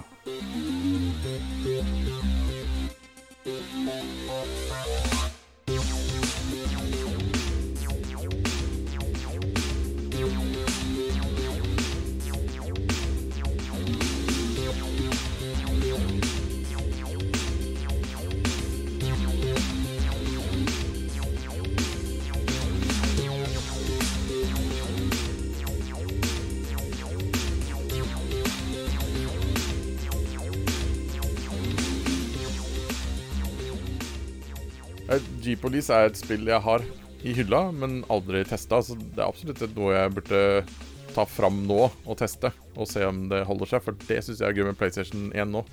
Ta fram spill jeg aldri har spilt før, og, og teste det. Mm. ja, men som sagt, det er en lærekurve der, altså. eh, Dessverre. Men Ja, eh, alt kan læres. den- den er verdt det. Ja. Et annet tankepunkt også jo- var jo grafikken i det er eh, ganske detaljert og fint å være PlayStation 1, men haken er da at du har en forferdelig kort draw distance i det. Okay. Så eh, den, den, er, den er ikke egentlig for kort, men eh, det er, det er, ja, du har det problemet noen ganger, at plutselig så dukker det opp en svær skyskraper eh, rett foran deg som du egentlig burde sett på lang avstand, men ja ja. Men det er jo viktig, eh, Trond, det du sier der med at du har lyst til kanskje å teste det ut. For det er jo det vi ønsker med spill. At uh, de som hører på, tenker mm, kanskje jeg har lyst til å teste ut det spillet. Mm. Har de testa det før, de bare har noen minner, og så kanskje de trigger til å prøve på nytt? For eksempel. Ja, eller noe som jeg aldri har spilt det Ja. før, som har lyst til å teste det ut. Håkon, eh, det deg. Nestemann ut. Jeg tar han. Vi skal til en gjeng med griser, altså griser, dyret. Um, I spillet Hogs of War, utvikla av Info, Infogrames, Sheffield House, og så er det utgitt av Infogrames i august 2000. Eh, det spillet her er litt sånn eh, skal jeg si At Team 17 tørte å, å lage Worms 3D etter Hogs of War, det fatter jeg ikke. For uh, Hogs of War var simpelthen amazing. Det er da et uh, 3D uh, turn-based shooter, akkurat sånn som Worms er. Men eh, du løper rundt som griser, og så er det satt i jeg skal mene, Det er første verdenskrig det er satt i. Ja, Første andre verdenskrig. Et eller annet der. Ja, det er sånn Altså, de, de går rundt i krigsuniformer og eh, lider litt selvfølgelig av, det, det, den draw distance. Det husker jeg at den, det er litt sånn foggy background, så det er ikke så veldig lett å se på avstand og beregne eh, skuddene. Om jeg husker rett, men eh, titalls timer i multiplayer, og det er bare grisegøy, for å si det sånn. Har dere noen minner til det, dere, eller? Ingen minner, men jeg kjøpte det nå i år. Eh, Oi. og da hadde jeg en kompis på besøk, og da tenkte vi vi får teste det, da. Og vi lo så vi grein av den humoren som er i det spillet der. Og det funka jo. Ja. Og det verste er at eh, mens vi driver og søker på det spillet der, så kommer det opp Twitch-kanaler som har eh, rett og slett konkurranser i det spillet den dag i dag. Det overraska meg veldig. Det er en kultklassiker så det holder. Uh, jeg, jeg kjøpte det i gamle dager, det er et som står i hylla mi her siden eh, den gangen. Mm, og ja, jeg og noen kamerater spilte det sammen, og ja, som du sier, vi lo så vi grein. Ja, det er humor da, Det er fantastisk. hysterisk. Det finnes jo faktisk på Steam. Eh, den dagen vi spiller det inn nå, tilbudet er dessverre over når denne episoden er utgitt, eh, men akkurat nå så er det jo 70% off inne på Steam, så det er nettesum av 10 kroner. Eller så er det 36 det. kroner på full pris. Ja, Ja, kjøp det det da på Steam. Ellers så kan du alltid få tak i det på bruktmarkedet. Det er sånn maks 300-400 kroner for det. Det er Ja, 250 betalte jeg, så det er rundt der det ligger på. en øreliten perle. Da er det min tur, og jeg og Terje vi har én ting til felles. For det første spillet jeg kjøpte til min PlayStation, var Tekken 2. Mm. Som jeg nevnte i stad, at jeg er ikke så særlig fan av fighting-spill, men Tekken 2 gjorde det enklere for meg å spille det, med tanke på hvordan eh, spillet er bygd opp. At du én knapp er for høyrearm, en- og én knapp er for venstrearm, og sammen med beina. Men Tekken 2 var ikke det første Tekken-spillet jeg hadde spilt. Jeg nevnte jo også at det var sånn PlayStation-bursdager. Og jeg husker det veldig godt, jeg var i én bursdag, for jeg var yngst. Og de andre var sånn tre-fire år eldre enn meg. Og da var det Tekken 1-turnering i bursdagen. Og da var det en av de guttene der da som lærte meg triks. Jeg spilte med Yoshimitsu. Som en småunge var da. Dere har vel også spilt mot småunger. De trykker på én knapp eller gjør ett triks hele tida, og du klarer ikke å slå dem. Sånn at jeg vant den turneringa. Så jeg fikk jo litt sjøltillit i Tekken. Og da var det jo enkelt for meg å kjøpe Tekken 2 når jeg så det var i butikkene. Og spillet grafisk var jo skikkelig oppgradert. Cutscenes og alt sånt. Det, jeg tenkte grafikken blir ikke bedre enn det her. Men jeg tenkte også at eh, kanskje en dag så får vi grafikk i spill som er som de cutscenesene her. Artig at du faktisk nevner det, fordi at eh, nå eh, som vi spiller inn episoden, det har nettopp vært det som heter EVO, som er et verdensmesterskap i fightingspill. Der teaser de nettopp da Tekken 8 med liksom Get Ready, og der har de en cutscene ifra Tekken 2. Og så har de sånn at den scenen fader inn til den nye grafikken. så der ser du det enorme skillet på, posten der cutscene-grafikken her er. Bare sjekk det ut på YouTube. Tekken 8 teaser. I tillegg så gjorde Tekken noe eh, jeg likte veldig godt, at du kunne mappe noen triks til skulderknappene, som gjorde spillet litt enklere for de som ikke er like gode å trykke inn kombinasjoner osv. Så videre. sånn at du, du, det ga deg litt mestring. Mm. Jeg har jo valgt ut en låt fra det spillet her, og som min gode venn eh, Ole Andreas eh, kalte henne for mora til Milfen, og mente egentlig dattera til Milfen. Så la oss høre eh, eh, banen til Michelle.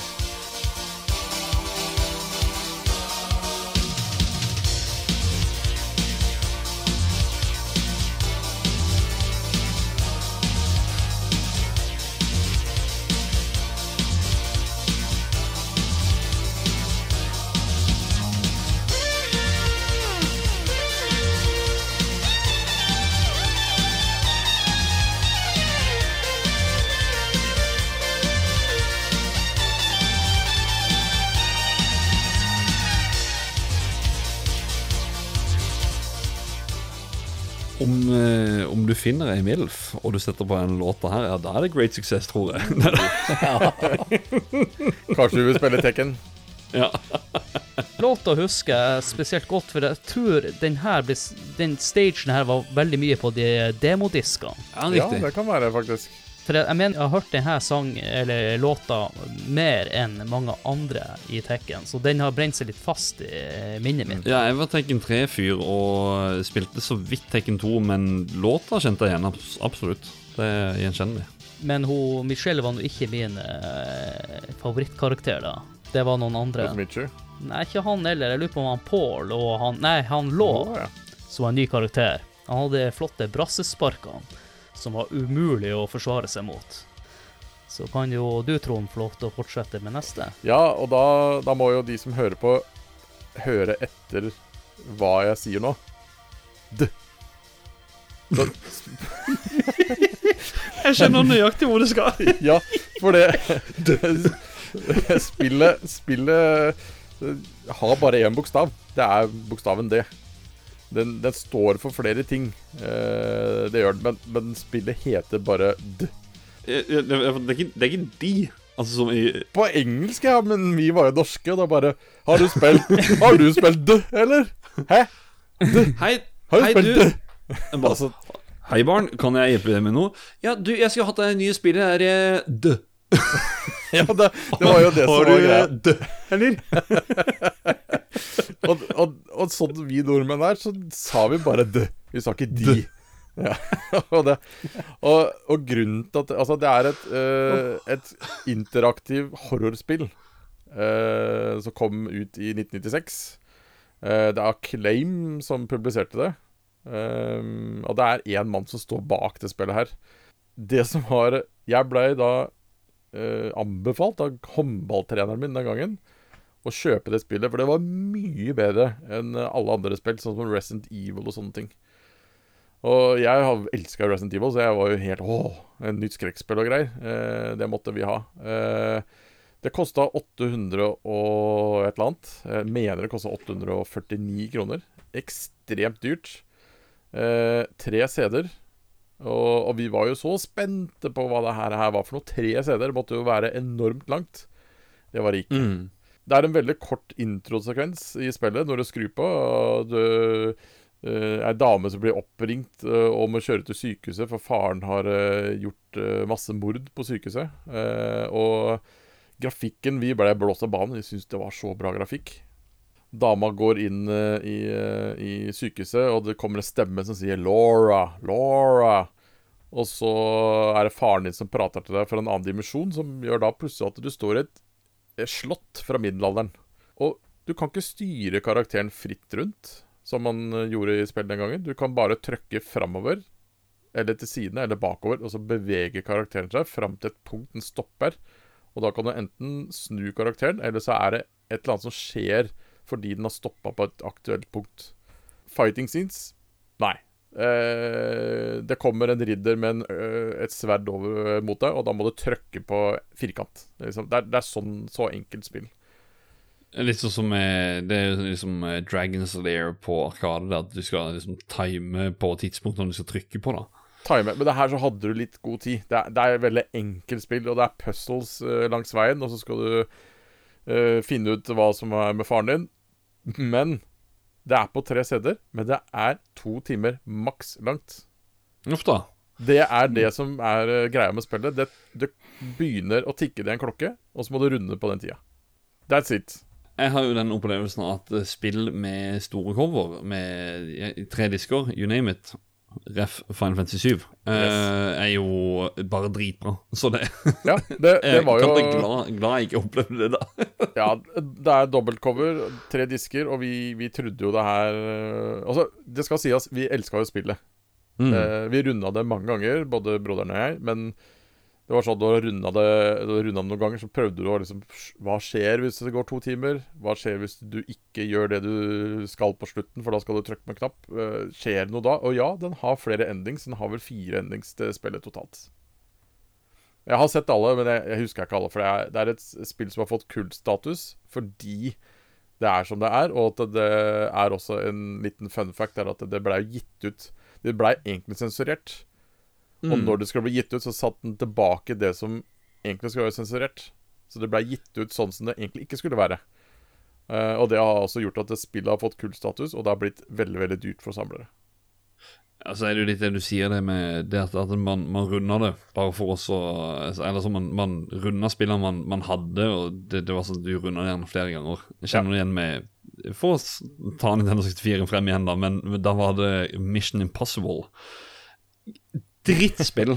Men, men det var liksom Du hadde det. Du måtte bare, du måtte bare si Ja, det, det, er bra. Men vi, vi, prøvde å runde på fortest mulig tid også, men eh, uh, Det er et spill jeg ikke klarer å kvitte meg med. For det at det har så Det er både gode minner og vonde minner fordi det kosta så mye penger. Ja. uh, men men gode minner fordi at eh, ja, vi syns det var bra den gangen. Men jeg har prøvd å spille igjen, og, og nå syns jeg det er helt jævlig å spille. Så nå sliter jeg virkelig med å spille gjennom det. Så, men, men veldig forut sin tid når det kom altså. Det var det. Mm. Kult. Terje? Ja, jeg har også tatt fram et, et litt abstrakt eh, puzzle-spill som heter eh, Kurushi. Som er litt eh, artig, egentlig, at det heter det her i Europa, for både i Japan og i Amerika så har det en engelsk tittel, Intelligent Cube. Mens i Europa så skulle det ha japanske navnet Kurushi. Ok. OK, wow. Ja. det er altså en måte å gjøre det på. Eh, jeg husker ikke i farta hva det betyr. Eh, beklager, det må, det må nesten sjekke opp. Mm. Men uh, greia er at det står på en uh, lang og flat plattform, i, bare i uh, ingen steder, eh, som er satt sammen av kuber. Og i den ene enden av plattformen så vil eh, en liten gruppe med kuber reise seg opp og begynne å rulle mot deg. Og du eh, risikerer å bli overkjørt, da. Så det du skal gjøre, er å fjerne eh, kubene eh, før, før du blir overkjørt, eller de kommer til andre enden av plattformen og faller av. Ja, så det er, er sånn puzzle-spill på en måte Ja, ja, yes, ja. Greia er at du, jeg, er litt glad i sånne puzzlespill som gir deg et veldig enkelt sett med regler, men gjør dritkompliserte ting med de der veldig enkle reglene. Så det er veldig fort øh, å lære. Så det er en ganske lang øh, vanskelighetsgradskurve. Altså de første puzzlene er ganske lette, og spillet er real, real, relativt lett ganske lenge før det etter hvert begynner å bli dritkomplisert. Så det Ja, det syns jeg er gøy, da. Grafikken, er det 3D-grafikk, eller er det en sånn pikselert uh, Det er, Ja. det er tredje, ja. jeg, tenkte, jeg, jeg tenkte sånn om det holder tidens tann. Det er jo PlayStation 3D. Det er ikke all 3D på PC-en som holder seg. Noe har, eller er det Ja. Eh, ja, du, du spiller en menneskelignende spillkarakter som er veldig enkel, selvfølgelig. Men ellers Ja. er det jo bare tredimensjonale kuber. Mm. Så det er jo dritenkel eh, 3D-grafikk sånn sett. Men det fungerer. For det er, det er, det er jo bare abstrakt. Det som er fascinerende med det, er jo orkestermusikken de har fått inn i spillet. Det er eh, Yes. ekstremt bra musikk til å være et enkelt spill. Sjøl om spillet i seg sjøl er bra, så har det likevel et overprodusert soundtrack i forhold til hvor- hvor enkelt spillet er. Yes. Det er, yes, det er et av de aller første spillene som hadde orkesterspill i, som bakgrunnsmusikk. Eller orkestermusikk, mener jeg, som eh, bakgrunnsmusikk. Mm. Det var, det var det eh, ikke mange som hadde enda på den tida der. Ja, det er et spill jeg muligens må sjekke ut. Jeg er jo, jeg, jeg er jo fortsatt Nintendo-mann og PlayStation, egentlig, så det Men eh, nei da. Nei, jeg, jeg, jeg er nødt til å sjekke det ut. Absolutt. Jeg kan nevne mitt uh, andre spill. Det er et spill som jeg um, spilte veldig mye på demo. Jeg vet om én som har hatt det. Spilte litt og sånn, men det var egentlig mest på demo vi spilte det. Og det er spillet Tombi. Eller Tomba, som eh, noen kjenner til kanskje i samme miljø. Det er utvikla av det superkjente selskapet Whoopi Camp. eh, Som kun lagde to spill, og det var Tombi 1 og det var Tombi 2. så ble det publisert av Sony i 1998. Det er jo det som er så rart med det, at jeg trodde det spillet her var en del av launch, og har alltid følt det hele tida. Så det, det er en sånn Ja, jeg trodde dette her kom tidlig ut, men eh, det gjorde det absolutt ikke hvis det kom ut i eh, 1998. Du Du spiller som en eh, gutt med navn Tomby, Tombi, som bor på en eller annen øy. Og eh, på den øya så bor det en drøss av griser. Eh, Ja, faktisk igjen, eh, apropos Hogs of War, som jeg nevnte i stad. Din gris. Ja, grisegutten. Eh, nei, hæ? Eh, så så eh, en dag så våkner du at eh, dette her gullarmbåndet da, som han Tombi har arva etter sin eh, bestefar, det er blitt frastjålet. Så en eh, gammel vis mann som heter The Wise Man veldig, veldig, veldig dyp historie. Han sier at eh, for å få tak i dette armbåndet, så må du beseire syv onde, store griser som er på den øya. Det er den minst um, Hva skal jeg si interessante historien. Det er liksom sånn repeterende Mario jeg, er, er bedre, spør du meg. Men så er det jo gameplay, da. Det er jo 3D-scrolling, eller 3D-sidescrolling-plattformer, med litt sånn små puzzles her og der. Eh, hva skal jeg si det, det er bare måten 3D-sidescrolling Det var liksom mitt første møte eh, dette spillet, da, med, med at kamera snur seg rundt hjørner og sånne ting. Du kommer, kan gå rundt kanter og dette her, og det det er bare noen så sterke minner til det. Uh, og så er det rett og slett uh, det jeg skal få til å høre nå. Det er låta fra første bane, som også bare vekker så utrolig sterke minner. Og som jeg håper det gjør hos dere lytter.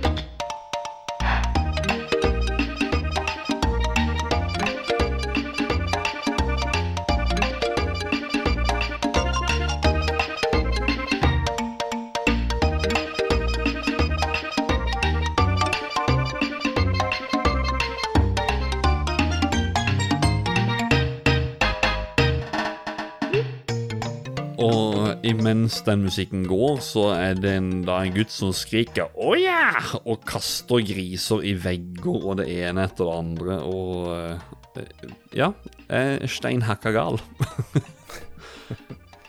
er det noen av dere som har prøvd det?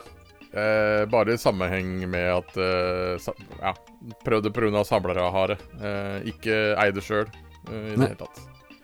Prøvde demoen. Det var på en av demodiskene som jeg har. Og jeg var interessert. Jeg tror bare jeg aldri kom over det i spillhyllene, ellers så hadde jeg antagelig kjøpt. Jeg, husker jeg likte demo. Ja. Det er jo, Skal du ha det nå, så må du betale sånn 1500 til 2000 kroner. Så det, Ja, ikke sant? Ja, det er for det første. Det er verre med det andre. det er jo Og så er det jo Whoopi Camp, som, eller Whoopi Camp, som har lagd det. Det er jo Superkjent spillefirma. Nei, det var egentlig bare kjapt, eh, det spillet der, og den musikken måtte bare få frem. For det er noe så skjære minner til det der, der og ja. Jeg nevnte det jo faktisk i PlayStation-demo-episoden. Og når jeg sa det, så kan det være så vågalt at jeg faktisk tror musikken er med i den episoden også. Sjekk det ut, folkens! Men ja, det var, det var de spillene, det. Jeg tenker jo Vi har jo nevnt litt om eh, samlemarkedet, da. Og eh, hvordan er samlemarkedet rundt eh, PlayStation om dagen? Er like stort trøkk som eh, kanskje andre konsoller? Alt har jo med generasjoner å gjøre, tenker jeg.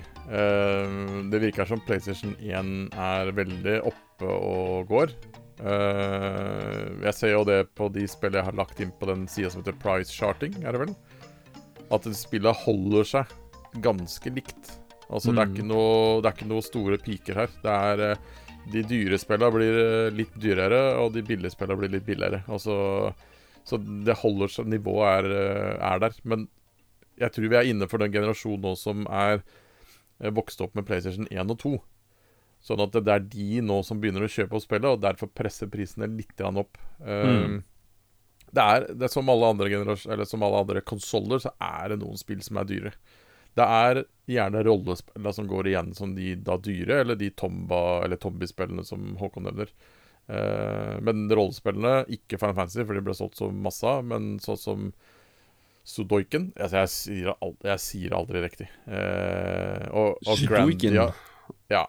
Og Og Eh, La det være til lytterne, for det er alltid enklere, Ja. enklere når det er lyttere. Ja, hvorfor sa han det feil? Men ja. uh, prøv å sitte her og vise Ja, litt. og så, så, så RPG-spill, da. Altså, de, de er fortsatt dyre. Uh, det er de. Men, uh, men, men du, du, markedet er jo ganske åpent, så du får jo kjøpt Hvis du skal begynne å samle da, så er det ikke noe problem å få tak i ganske mange spill. Det er det ikke. Hvordan er det med selve konsollen, da, som episoden handler om? Den er ganske rimelig. Får kjøpt den fungerende på bruktmarkedet til 500 kroner.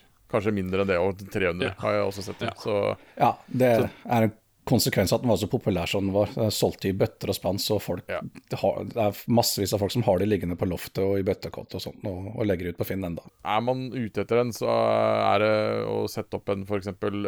ønskekjøpt-annonse, eller at man faktisk går på brukthandler. Det er jo fortsatt noen som går rundt og kjøper PlayStation 1, men så går jeg på en brukthandel, så går jeg forbi PlayStation 1-konsollene. Fordi at der tenker jeg at noen andre kan ta det, for da koster de 200-300 kroner. Så de, de er ikke dyre sånn sett. Og spørsmålet er om de virker, for laserne på PlayStation er jo ikke de aller beste. Og når du har brukt en laser da i 5, 6, 7, 8, 9 år, så, så vil den jo bli slitt med tida. Der jeg skulle da si at det kan hende Det, det, det er ikke nødvendig, uh, hvis det er riktig av meg å si, men, men uh, PS1 kan det kanskje være bedre alternativ med tanke Ja. på uh, eh, leseren. Ja. Og så Hvis du bare vil ha en PlayStation eh, 1, så kjøp en sånn i tillegg. Og så trenger du bare ikke spille bare den. Kan du spille på PS1, og så Ja. Bare for å få lest diskene kjappere. Men det, det fins prosjekter for å erstatte disse her eh, laserne og dreverne med alternative eh, ting. Mm. Som f.eks. en, eh, en SD-kortleser isteden, som du bare setter et SD-kort inn i med ja, spill du har lasta ned fra internett, for å si det rett ut. Og, og den originale maskina vil eh, fortsatt eh, tenke og tro at den har en ekte CD i seg, og bare oppføre seg som normalt. Det som er jo Jeg, jeg, jeg, jeg tar backup av alle mine spill, og så legger jeg de over. Og så, ja. Sist jeg kikka på det var halvannet år siden, og da var det fortsatt i prototypstadiet. og Så har jeg ikke fulgt det opp siden. Men uh, det, er, det er en ting som kommer, altså. Så om du har en gammel PlayStation 1 som drevet er ødelagt på, så ikke kast den hvis du er interessert i å og, ja, For det, det er antageligvis fort gjort å bare skru opp litt, og så er det en kontakt og ut med drev og, og plugg, plugge i den leseren. Også. Ferdig, ferdig, egentlig. YouTube and it's done. eneste som kan være et lite problem, er også på en måte selge inn PlayStation 1 til en som sier generasjon under oss, da, som vokser opp nå, som er ungdom i dag. Fordi at eh, Super Nintendo og Nintendo sånt har veldig tidløs grafikk, men PlayStation kan føles ekstremt blocky og dårlig for de som Mm. tester det for første gang. Så, så du må virkelig finne det rette spillet for at folk skal uh, synes det her er underholdende. Det er bra du nevner det, Trond, fordi at uh, neste spalte, der skal vi rate PlayStation. Ja. Men først vil jeg bare si at uh, vi kan jo si at PlayStation vant den konsollkrigen mellom Sega, Nintendo Mm. og dem, da. For jeg har noen tall her. Sega Saturn, som var først ute, de solgte 9,26 millioner. Og så har du på andreplass Nintendo 64 med 32,93 millioner. Og på toppen PlayStation med 102,49 millioner. Ja. Det er ganske bra. Det er, det er overkill. Sånn at eh, konsollkrigen vant i hvert fall PlayStation. Og da tenker vi går over til å rate Sony PlayStation.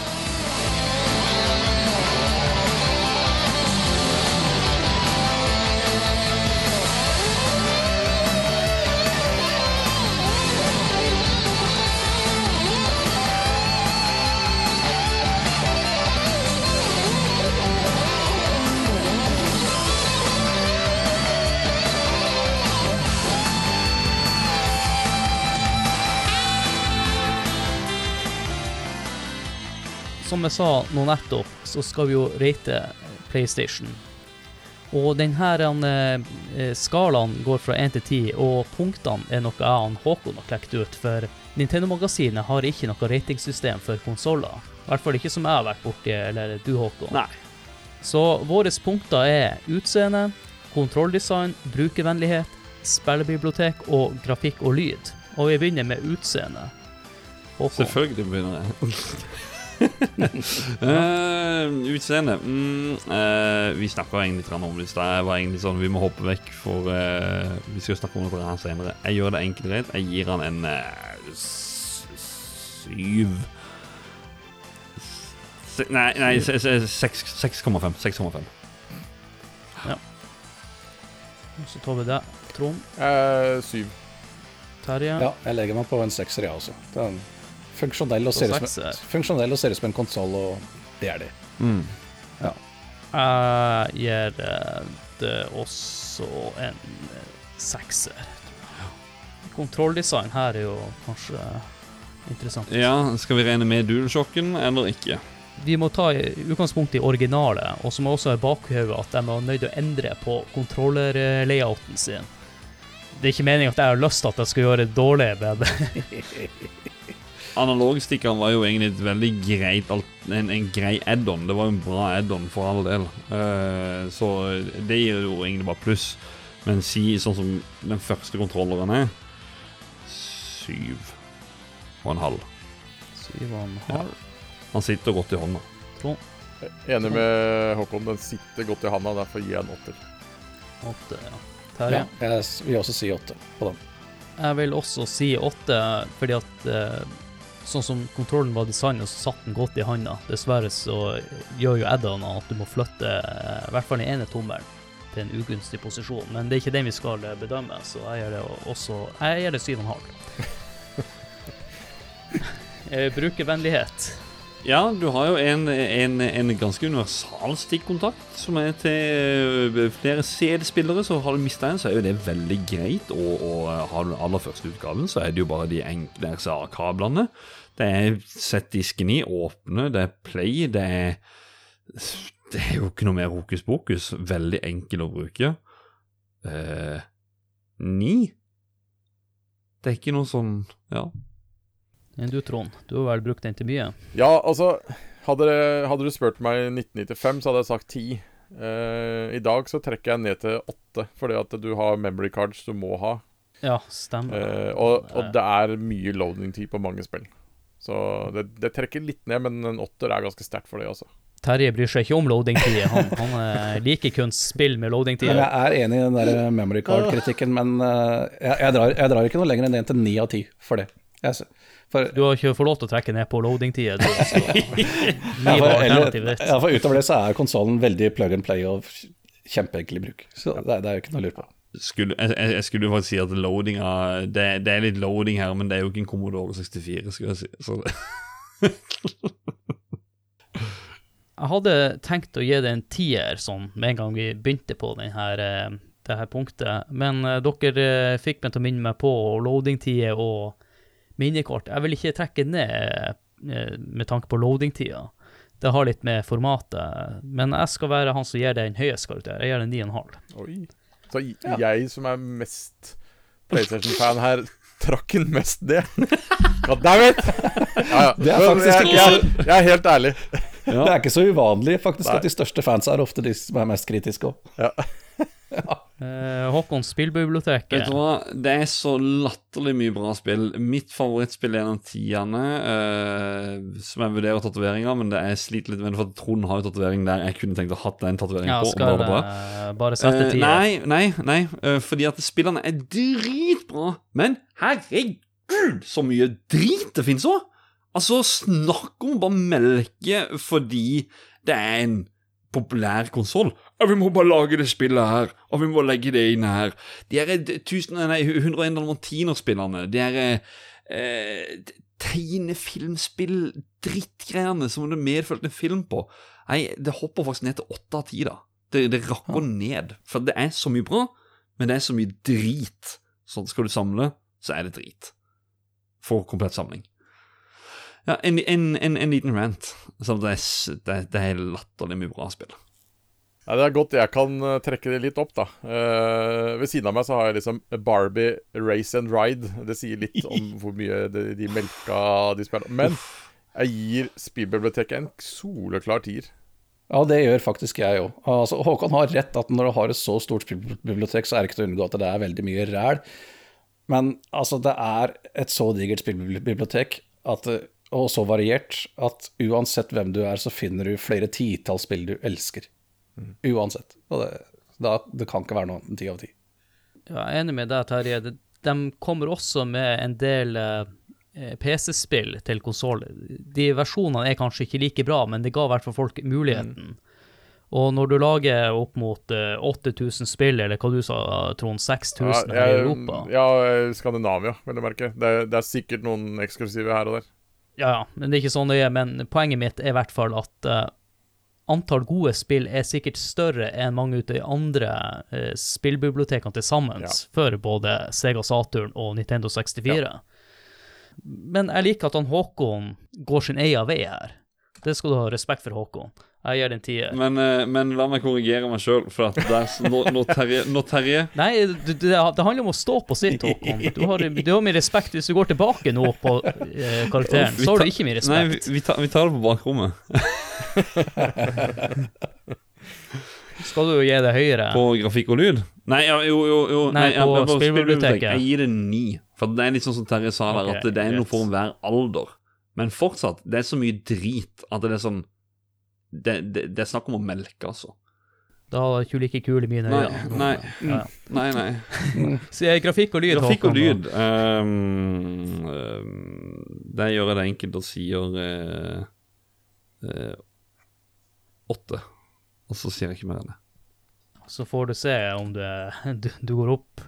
Uh, Trond, Alle konsoller starter et sted. Du starter med spill som ser bra ut i dine øyne da, men når du ser et Mm. fem år etterpå, mye bedre. Men lyden i spillet her og grafikken, det er ingenting å si på for den gangen. Nå ser jeg fra øynene i 1996, nei, 1995. Jeg gir det en 9,5. Jeg går for en syver. Og da sier jeg at da trekker lyden veldig mye opp, for grafikken trekker veldig mye ned. Og, ja, og da ser jeg med 1997-øyne. For, for uh, Ja, ja, for jeg Ja, ja, ja. For, men ikke 95. for uh, Nei, altså, jeg syns, den 3D-grafikken som vi gikk over til i starten, den tidlige steinalder-3D-grafikken der, den var grusom. Vet du, det, så, det så ikke bra ut overhodet. Puppene til Lara Croft var ikke bra nok, sier du? Nei, nei, nei. Altså, det, det er hun og Madonna som har sånne pupper. Ja, det er sant. Ja. Det funka for mange, det òg. Nei, altså, jeg, jeg, jeg kom jo fra da, datamaskinverden med, så vi hadde flott 2D-grafikk i VGA, og, og som begynte å bli veldig detaljert og fargerik, og så kom dette her, ikke Lego engang, det var Duplo-klosser. Det- så nei. Men syv av ti fordi det er vanvittig mye bra lyd, og kjem, mange kjempeflotte soundtracks å finne. Jeg hadde tenkt å gi PlayStation samme karakter som han Håkon, en åtter. Men du har noen poeng her, eh, Terje. Og det er at PlayStation, mange av de spillene, er kanskje de som har eh, eldes dårligst, med tanke på grafikk, sånn eh, sett i ettertid. Så jeg vil gi det syv og en halv. Golden Eye. Det er en annen konsoll, og vi snakker ikke om Nintendo 64 i denne episoden. Selv, selv om jeg har gjort veldig mye. Men jeg må jo si igjen, spillbiblioteket Jeg sitter, jeg sitter og sier Nå er det bare endret til 9,5. Nei, nei, nå, er- nå er vi ferdig med, nå er vi ferdig med spalten. Bordet fanger. Ja. Eller discorden fanger. Og uh, nå tenker jeg at uh, vi kjører på med lytterspalte.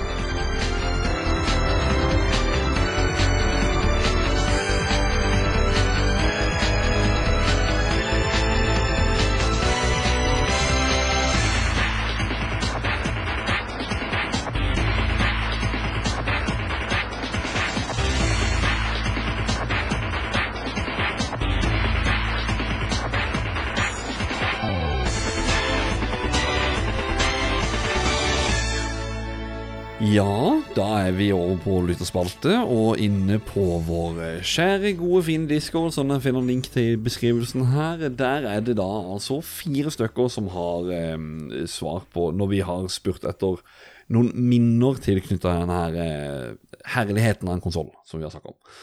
Da, Førstemann ut er Martyrik. Min bror hadde fest hjemme. Klarte å rive ned CD-mappa med PlayStation 1-spill og tråkke på den. Heldigvis ble bare ett spill ødelagt, og det var X Games. Men resul men resulterte i at han spanderte fire flunkende nye spill på meg. Ble Final Fantasy 8, Star Ocean 2, Dino Crisis og ett av Resident Evil-spillene. Det var lykke.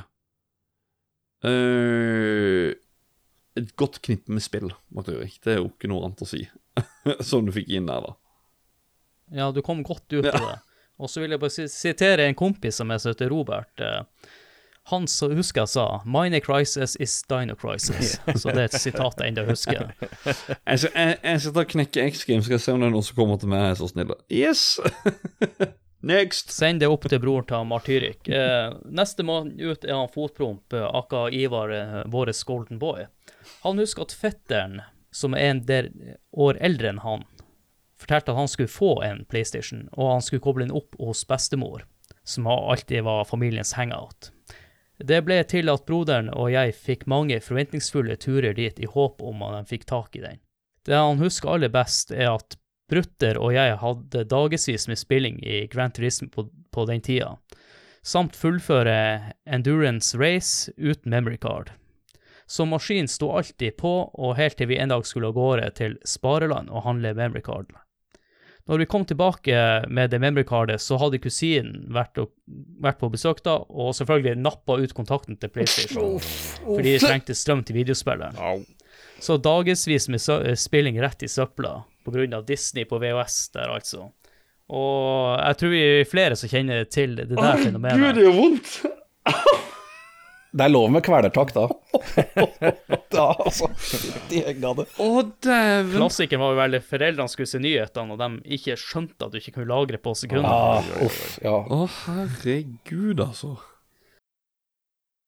Jeg føler med deg, Fotbomp. Ivar Dæven, stakkars. Men nestemann er Molmen. Beste minne må være å våkne lørdag, ikke måtte gå på skolen og lenes halvveis ut fra senga for å finne et spill å sette på, enten det var Alundra, Red Alert, Soviet Strike eller Spyro the Dragon. Beste minne må være å våkne til den deilige oppstartslyden. Ja Vi har, vi, vi, vi har, vi har jo snakka om han. Ja, Den, og da hører du også at folk nevner jo forskjellige spill her nesten hele tida. Mm, mm. Så jeg hører jo spillbiblioteket er variert. Det, det, det er ti av ti. Next one! Snakk om å stå på sine karakterer. Ja. jeg må bare nevne, når jeg leser lyttespalter, så sitter litt inne og leser på bokmål, som høres ut som en Grand Prix-Jostein, for dere som eh, husker hvem det var. Så jeg, jeg prøver å si det på min måte. Så hva heter dialekta knekk. Han eh, Gelpool og denne konsollen har mange minner til. Dette var min første konsoll og mange timer foran TV-en med DualShock 1, eh, kontrollen i hendene. Jeg vet jeg spilte mye Grand Turismo 1, Tarzan, Cool Borders 2, Crash Bandicoot 1 og ikke minst Time Crisis, hvor han hadde en Desert Eagle-replika lighting gun. For favoritten var nok eh, fortsatt Gran Turismo. Frese rundt på Autumn Ring i Toyota Supra GT med Castrol Ivory og racing-modifikasjoner som så helt ekte ut for et barneøye. Og Grand Turisme, jeg glemte å si det, men det er jo det mest solgte spillet til PlayStation 1. Er toeren eller eneren? Jeg mener det er eneren. Jeg tror han solgte mot ti 10 millioner, hvis jeg ikke tar helt feil. ja, det stemmer. Det, Grand Turisme, ja, ja Mm. eller nesten 10, nesten 11 millioner. Og så har vi jo eh, spørsmål, eller på Spill Community på Facebook, da. Der har vi vel fått inn flere bidrag. Så får vi se om vi klarer å sortere der ordentlig. Da begynner vi på toppen her, og det er Ragnar Veien Tundal. Han har aldri PlayStation selv, men mitt første minne fra konsollen er Rayman hos en, barn, hos, hos en barndomsvenn. Kommer aldri lenger enn bana der man flyr på, eh, på den myggen. Spillet var vanskelig, utrolig kul grafikk, lyd og musikk som jeg syns har holdt seg Uh, Har holdt seg godt. Ellers hadde jeg en annen venn, uh, Taken 2, men ikke memory card. Spilte gjennom singleplayer-delen mange ganger for å unlocke Kuma. Og så legger vi et spørsmålstegn der. og Det stemmer det. Det er Kuma eller Panda. Det er i hvert fall en ja, bjørn. da. Ja. Så Tekken 2 nevnes igjen. Og så Olav Øyan, jeg blir å forkorte litt eh, det du skriver, for du har kommet noen PC-spesifikasjoner. Eller nå ombestemmer jeg, jeg skal lese alt. Eh, han mislikte PC-en uten grunn, og tok busten fra N64, en konsoll han aldri fikk da. Han tok eh, konfirmasjonspenger og kjøpte heller en 486 DX2, 66 MHz, med hele 8 MB ram. Og da oppdaga han eh, Championship Manager, og så seg aldri tilbake.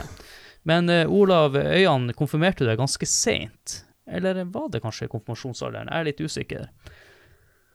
Så kanskje han heller skal takke PC-en for den opplevelsen. Så han sier takk, Sony, for at han ikke heiser på Sony-toget. Ikke verst. Ja, neste Mats Leander Solheim Vik er så mange gode minner. Husker jeg slo meg godt til rette i bambusstolene, som var en ting på 90-tallet, og kjørte gjennom Final Fantasy 7 selv om jeg ikke forsto en dritt.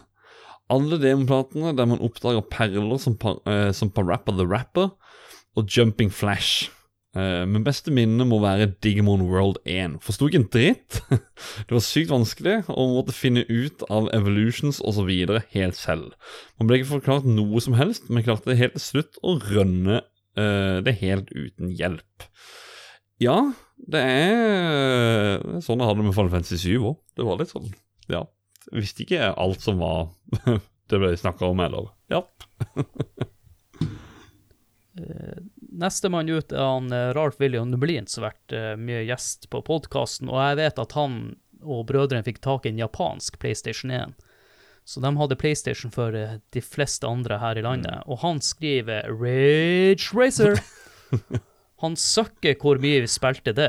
Husker også en sommer med Crazy Ivan, kremspill. Ja, jeg kan ikke huske det. Uh, men Racer, ja. Crazy Ivan var et spill jeg og en kompis leide en gang i tida. Vi, vi var ikke veldig imponert, for å være ærlig. Nei. Men, men vi var kanskje litt det- Vi var jo seine til festen igjen, da. Det spillet var vel to-tre år gammelt da vi leide det. Så ja. Neste er da eh, en av våre admins på, eh, på discorden. Ørjan Synnevåg Drotningsvik, også kjent som The Hawk. Eh, Et stort minne i seg selv eh, var bare bare starte opp konsollen og høre lyden av logoen som ble presentert. Husker også godt hvor gøy det var å spille både Red Alert og Transport Tycoon med original PlayStation-mus. Ei! Så da har vi en her som spilte med den og hadde den, da. Moro. Ja. Og så Ragnar Veien Tundal er i kommentaren under der og bare publiserer den eh, startup-sounden til PlayStation 1. Minneverdig. Yes. Nestemann ut er vår kollega Philip Mauricio Fløgstad fra Lolbua. Har en milliard demodisker, Final Fantasy 7, styrekamera for optimal vinkel for å se puppene og rumpa til Rolara, Final Fantasy 7 Motherfuckings Multitap og Micromachines, Wutang, Chess Luke Shack og Final Fantasy 7 sletter slåss fra memorycardet for å få plass til en ny Sace, lese spilleblader med annonser for alt mulig rart av Madcats, Logitech osv. Final Fantasy 7 skriver han. Uh, Ape Escape, som var et kjipt spill, men viste frem de dødskule og nye analogstikkene. At det eksisterer en versjon uten risting. Familiemedlemmer som kjøper spill i gave, og med så mange megaræve spill, så var det stor sjanse vi fikk noe dritt, Final Fantasy 7. Forsøkte også å chippe den for å få til å kjøre brentspill. da. Bli venn med en i parallellklassen bare fordi han hadde Tekken 3. Det av vennene som hadde Nintendo og Final Fantasy 7, og ja, jeg kan holde på sånn for alltid. og han har holdt på sånn for alltid, og du skrev så mye her, Philip, at uh, nå er det jo sånn at uh, det begynner å bli ganske sent her i Berlin, inn, så det får bli med det. Men du hadde i hvert fall mye å komme med.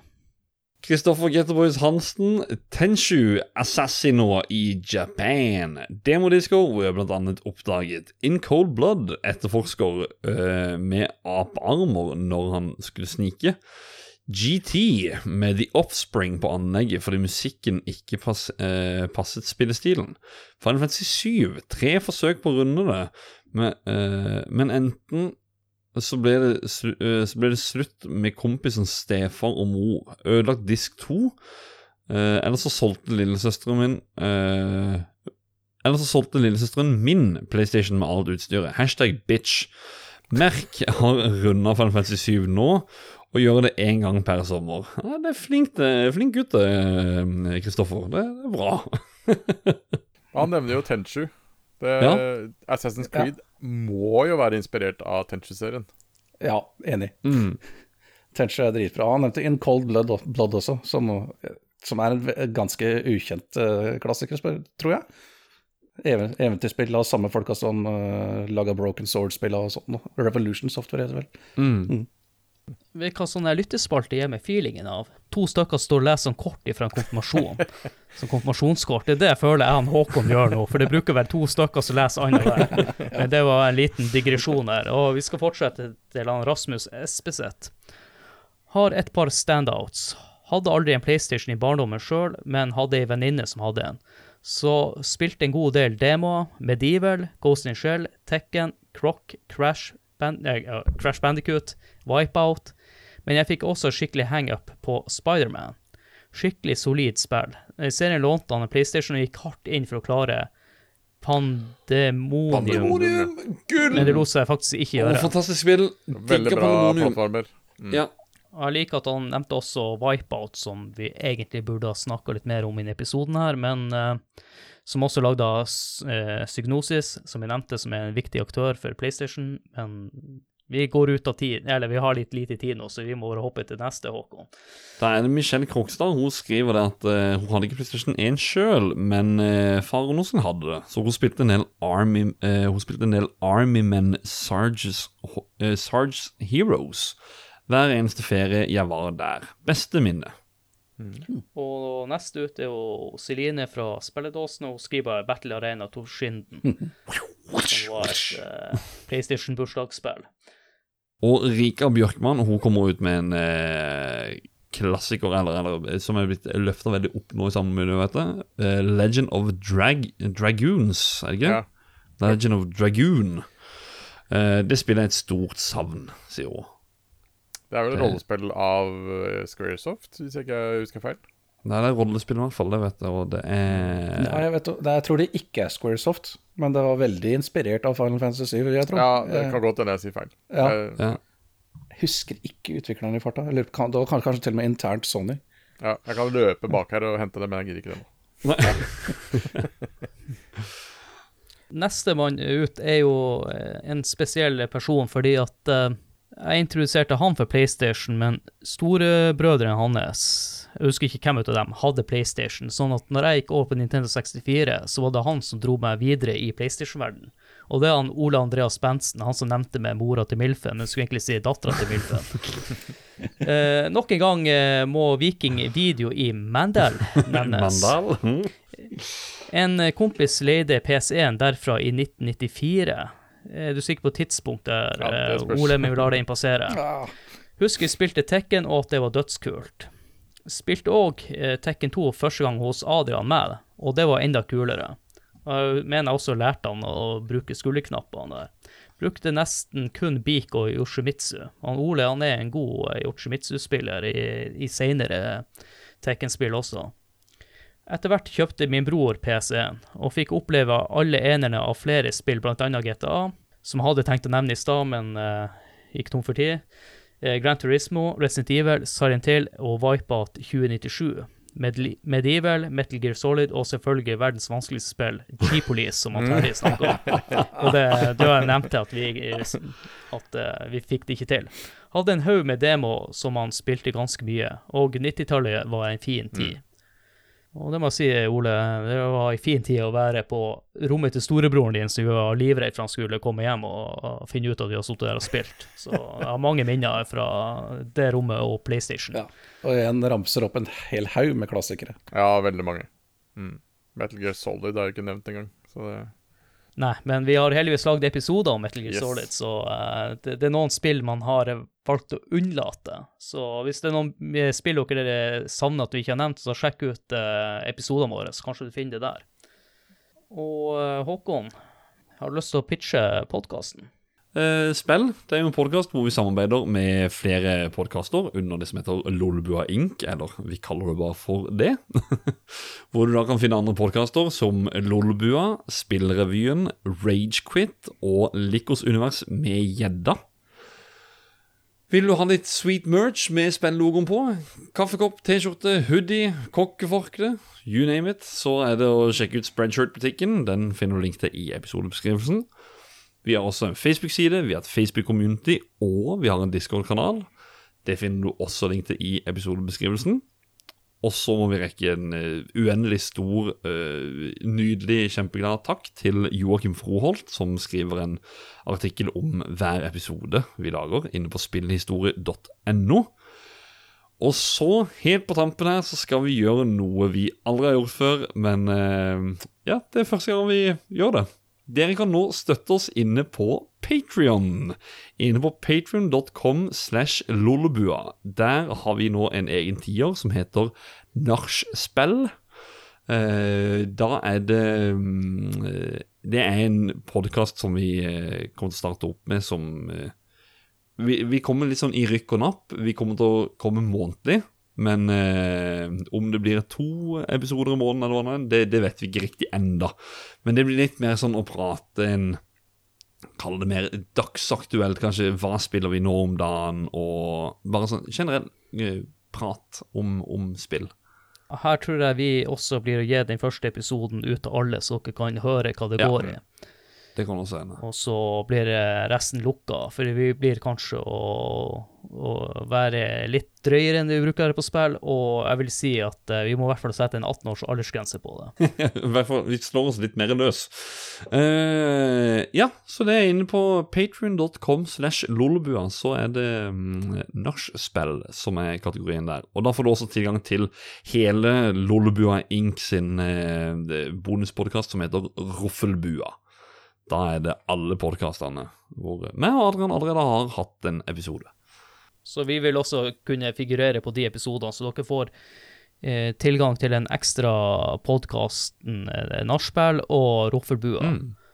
Og så kan det godt hende at eh, vi blir å kjøre gjester i den bonuspodkasten, vil også være muligens for folk i communityet. Så vi åpner opp for det, for det er jo en podkast for dere som har lyst til å støtte Mm. Og med den nyheten, eller with that bombshell, som jeg liker å si, så vil jeg si tusen takk til deg, Trond, for at du ble med, og vi krysser fingrene nå, for vi har prata så lenge at det her opptaket ordner seg. Så du får lov til å være med på denne episoden, for jeg vet ikke om jeg orker å spille den inn på nytt igjen når vi er ferdige. Det har jeg ikke tid til. Men eh, ja, takk for at jeg ble invitert til å være med. En sann glede å ha deg med. Det blir ikke Neste mann ut er jo vår Discords uh, svar på Gandalv. Terje, tusen takk for at du ble med igjen. Jo, takk. Det var alltid moro å være med. Og takk til deg, Håkon. Ja, jo, selv takk. Det er godt å være i gang igjen etter en sommerferie, så det, det er superb. Super, superb. Vi er litt rustne, og vi ser fram til eh, høsten. Og så vil jeg si tusen takk til eh, deg som hørte på episoden. Mm. Og da gjenstår det bare for meg å si ha det. Det. Det er bare Håkon her, på sånn rett på tampen. Og eh, ja, som dere hørte, så trodde Adrian at eh, mitt første minne var bare det at jeg ikke var glad i PlayStation og sånt, så bare gikk videre. Så jeg bare Ja, det var jo hyggelig. Så jeg vil jo bare si til dere at mitt første minne, det er som spillet som er nevnt flere ganger. Det er Tekken 2 i en kjeller hvor eh, min mor og eh, bror til min inngifte tante eh, i familien, eh, de satt og røykte, så jeg kjenner den fæle innestengte røykelukta, og, og, og PlayStation. Og så vil jeg si at eh, det, det er jo Denne episoden kommer ut på en onsdag, og da allerede førstkommende fredag så vil dere da finne oss i Sandefjord. Eh, nede på Gulating pub. Der skal vi da ha en ørliten meetup i forbindelse med den O store retromessa som går av stabelen 20. til 21. august. Og eh, har du hørt på episoden i etterkant av dette her, så vet du hva du har gått glipp av. Yes, det var det. Eh, bye bye.